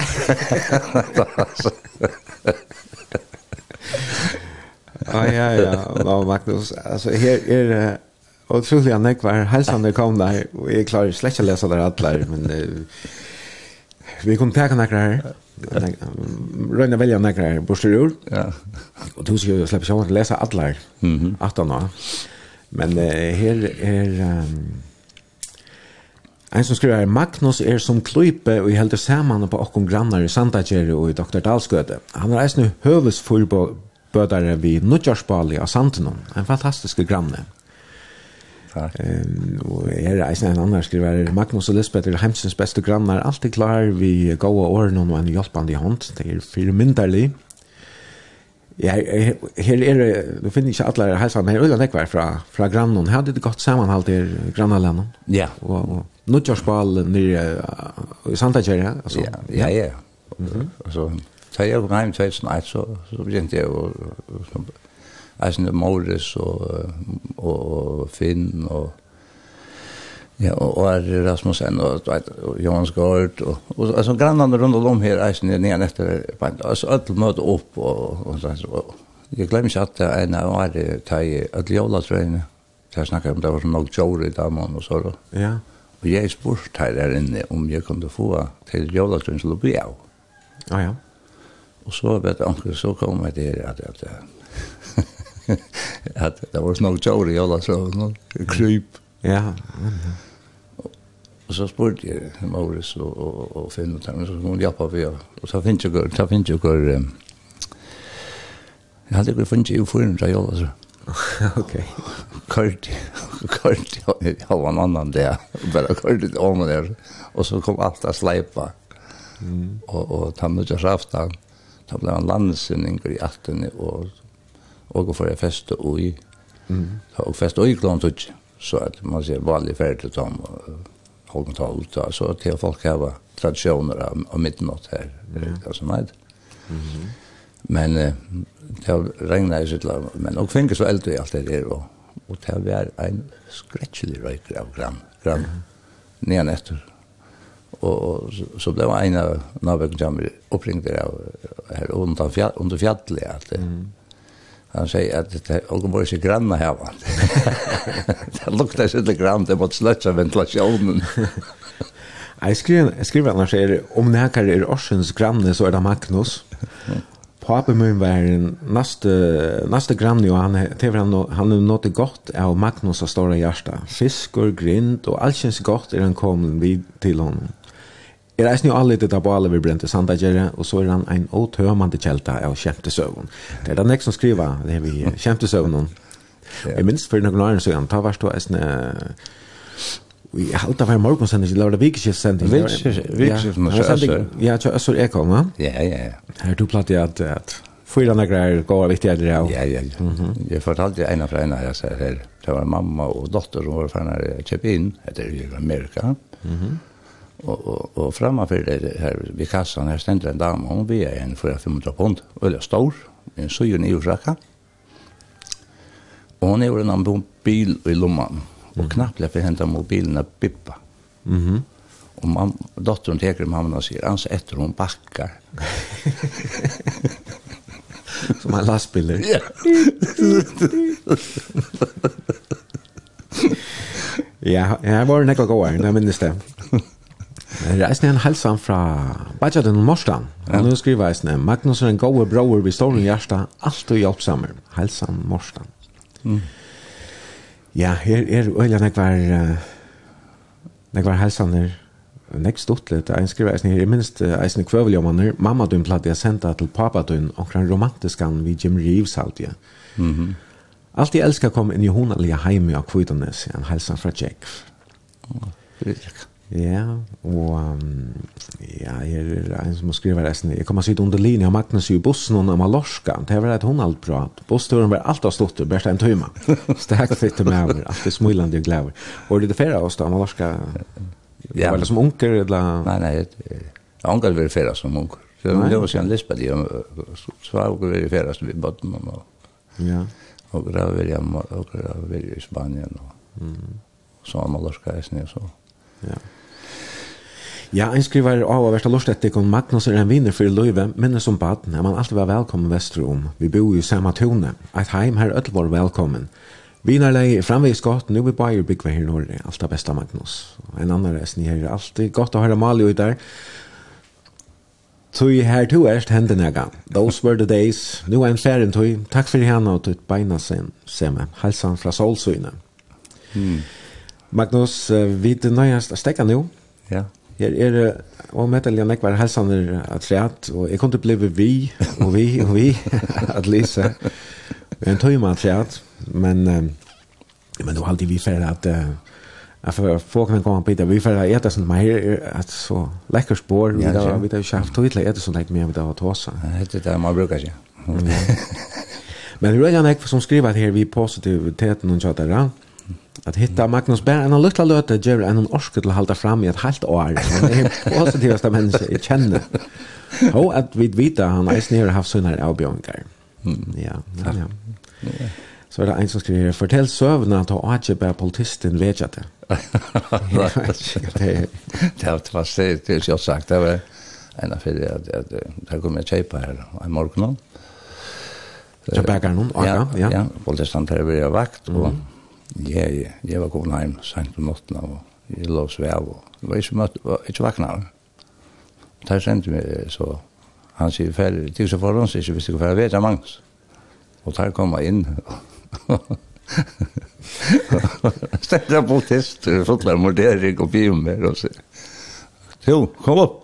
Så jag är snäv, jag har inte gjort det. Det var det förskräckligt så. Ja, för så. Ja, det är säkert lent nek vet du. Jo, jo. Her er en halsan fra en kvinne som skriver at det var en flagg det hadde vi i Jome, stortligere mannen skal man lære landet. etter, og går sakna ikke. Ja. Takk for det. Det kan du ganske reisen finnes du i til at du først, hvis du først... Han flytter så, ja? Ja, man han pensjoneres, det kan. Ja. Men øyla nekvar Heilsan er som sagt, en, en hejsan fra okken Vestar Årbakka. Takk for gåa granna hjelp, arbeidshjelp og nekve kåra. Alt det beste til tøyne og tøyne, hejsan vinner. Takk for det. Ja, Magnus, det har vært utrolig hundadelt. Men tog inn tjokk noen til å være ferdig nå. Vi får spela en sang av treat her mot enda noen. Og han skal ikke være Jens Lisberg som slipper enda. Vi heimlangsel til førere. Jo, halvt. Til lunch da, Sinter. Eller kan? Jo, det gör man. Ja. Ja. Det är väl läst. Jag tyckte det köpte av sommarhus där. Ja, så nej. Eller husen, ja. Jo. Men jeg får takke til her, jeg får takke Eisen Lisbeth for för den fram ur bransjen, brunchen. Morgonmaten og morgen. Hon är fantastisk. Ja, det vill säga det är Det kom det ja, det hade kom det helt alltså. Det är fantastiskt det är och så måste jag säga att button är så här. Jag är otroligt stolt över. Ja. Så det är fantastisk, alt sammen. Mm. Sexy allt da? Ja, och det är rösk och det er akkurat, og ja, jeg må si, det är stolt att at jeg nevner det dem. Allt som det är fantastiskt. En annan ferie, tusen takk for det, Magnus, at du kom videre til morgen, det blir stekkonalig. Ja, men själv tack. Jag vill förnöjelse av det. Ja, og for jeg takka for alle vimmärkningar og helsene som uh, till lustare har sendt dere sms-kipene og Facebook så til i brunch. Det var altså brunch hesa affär. Gesto Magnus Jul Pedersen, er ID Eifen Jensen, og bare jeg til vil brunch, og nå John Geste kommande leir er klokken 5.30. Takk til oss som lorsteg, og godt vikeskiftet.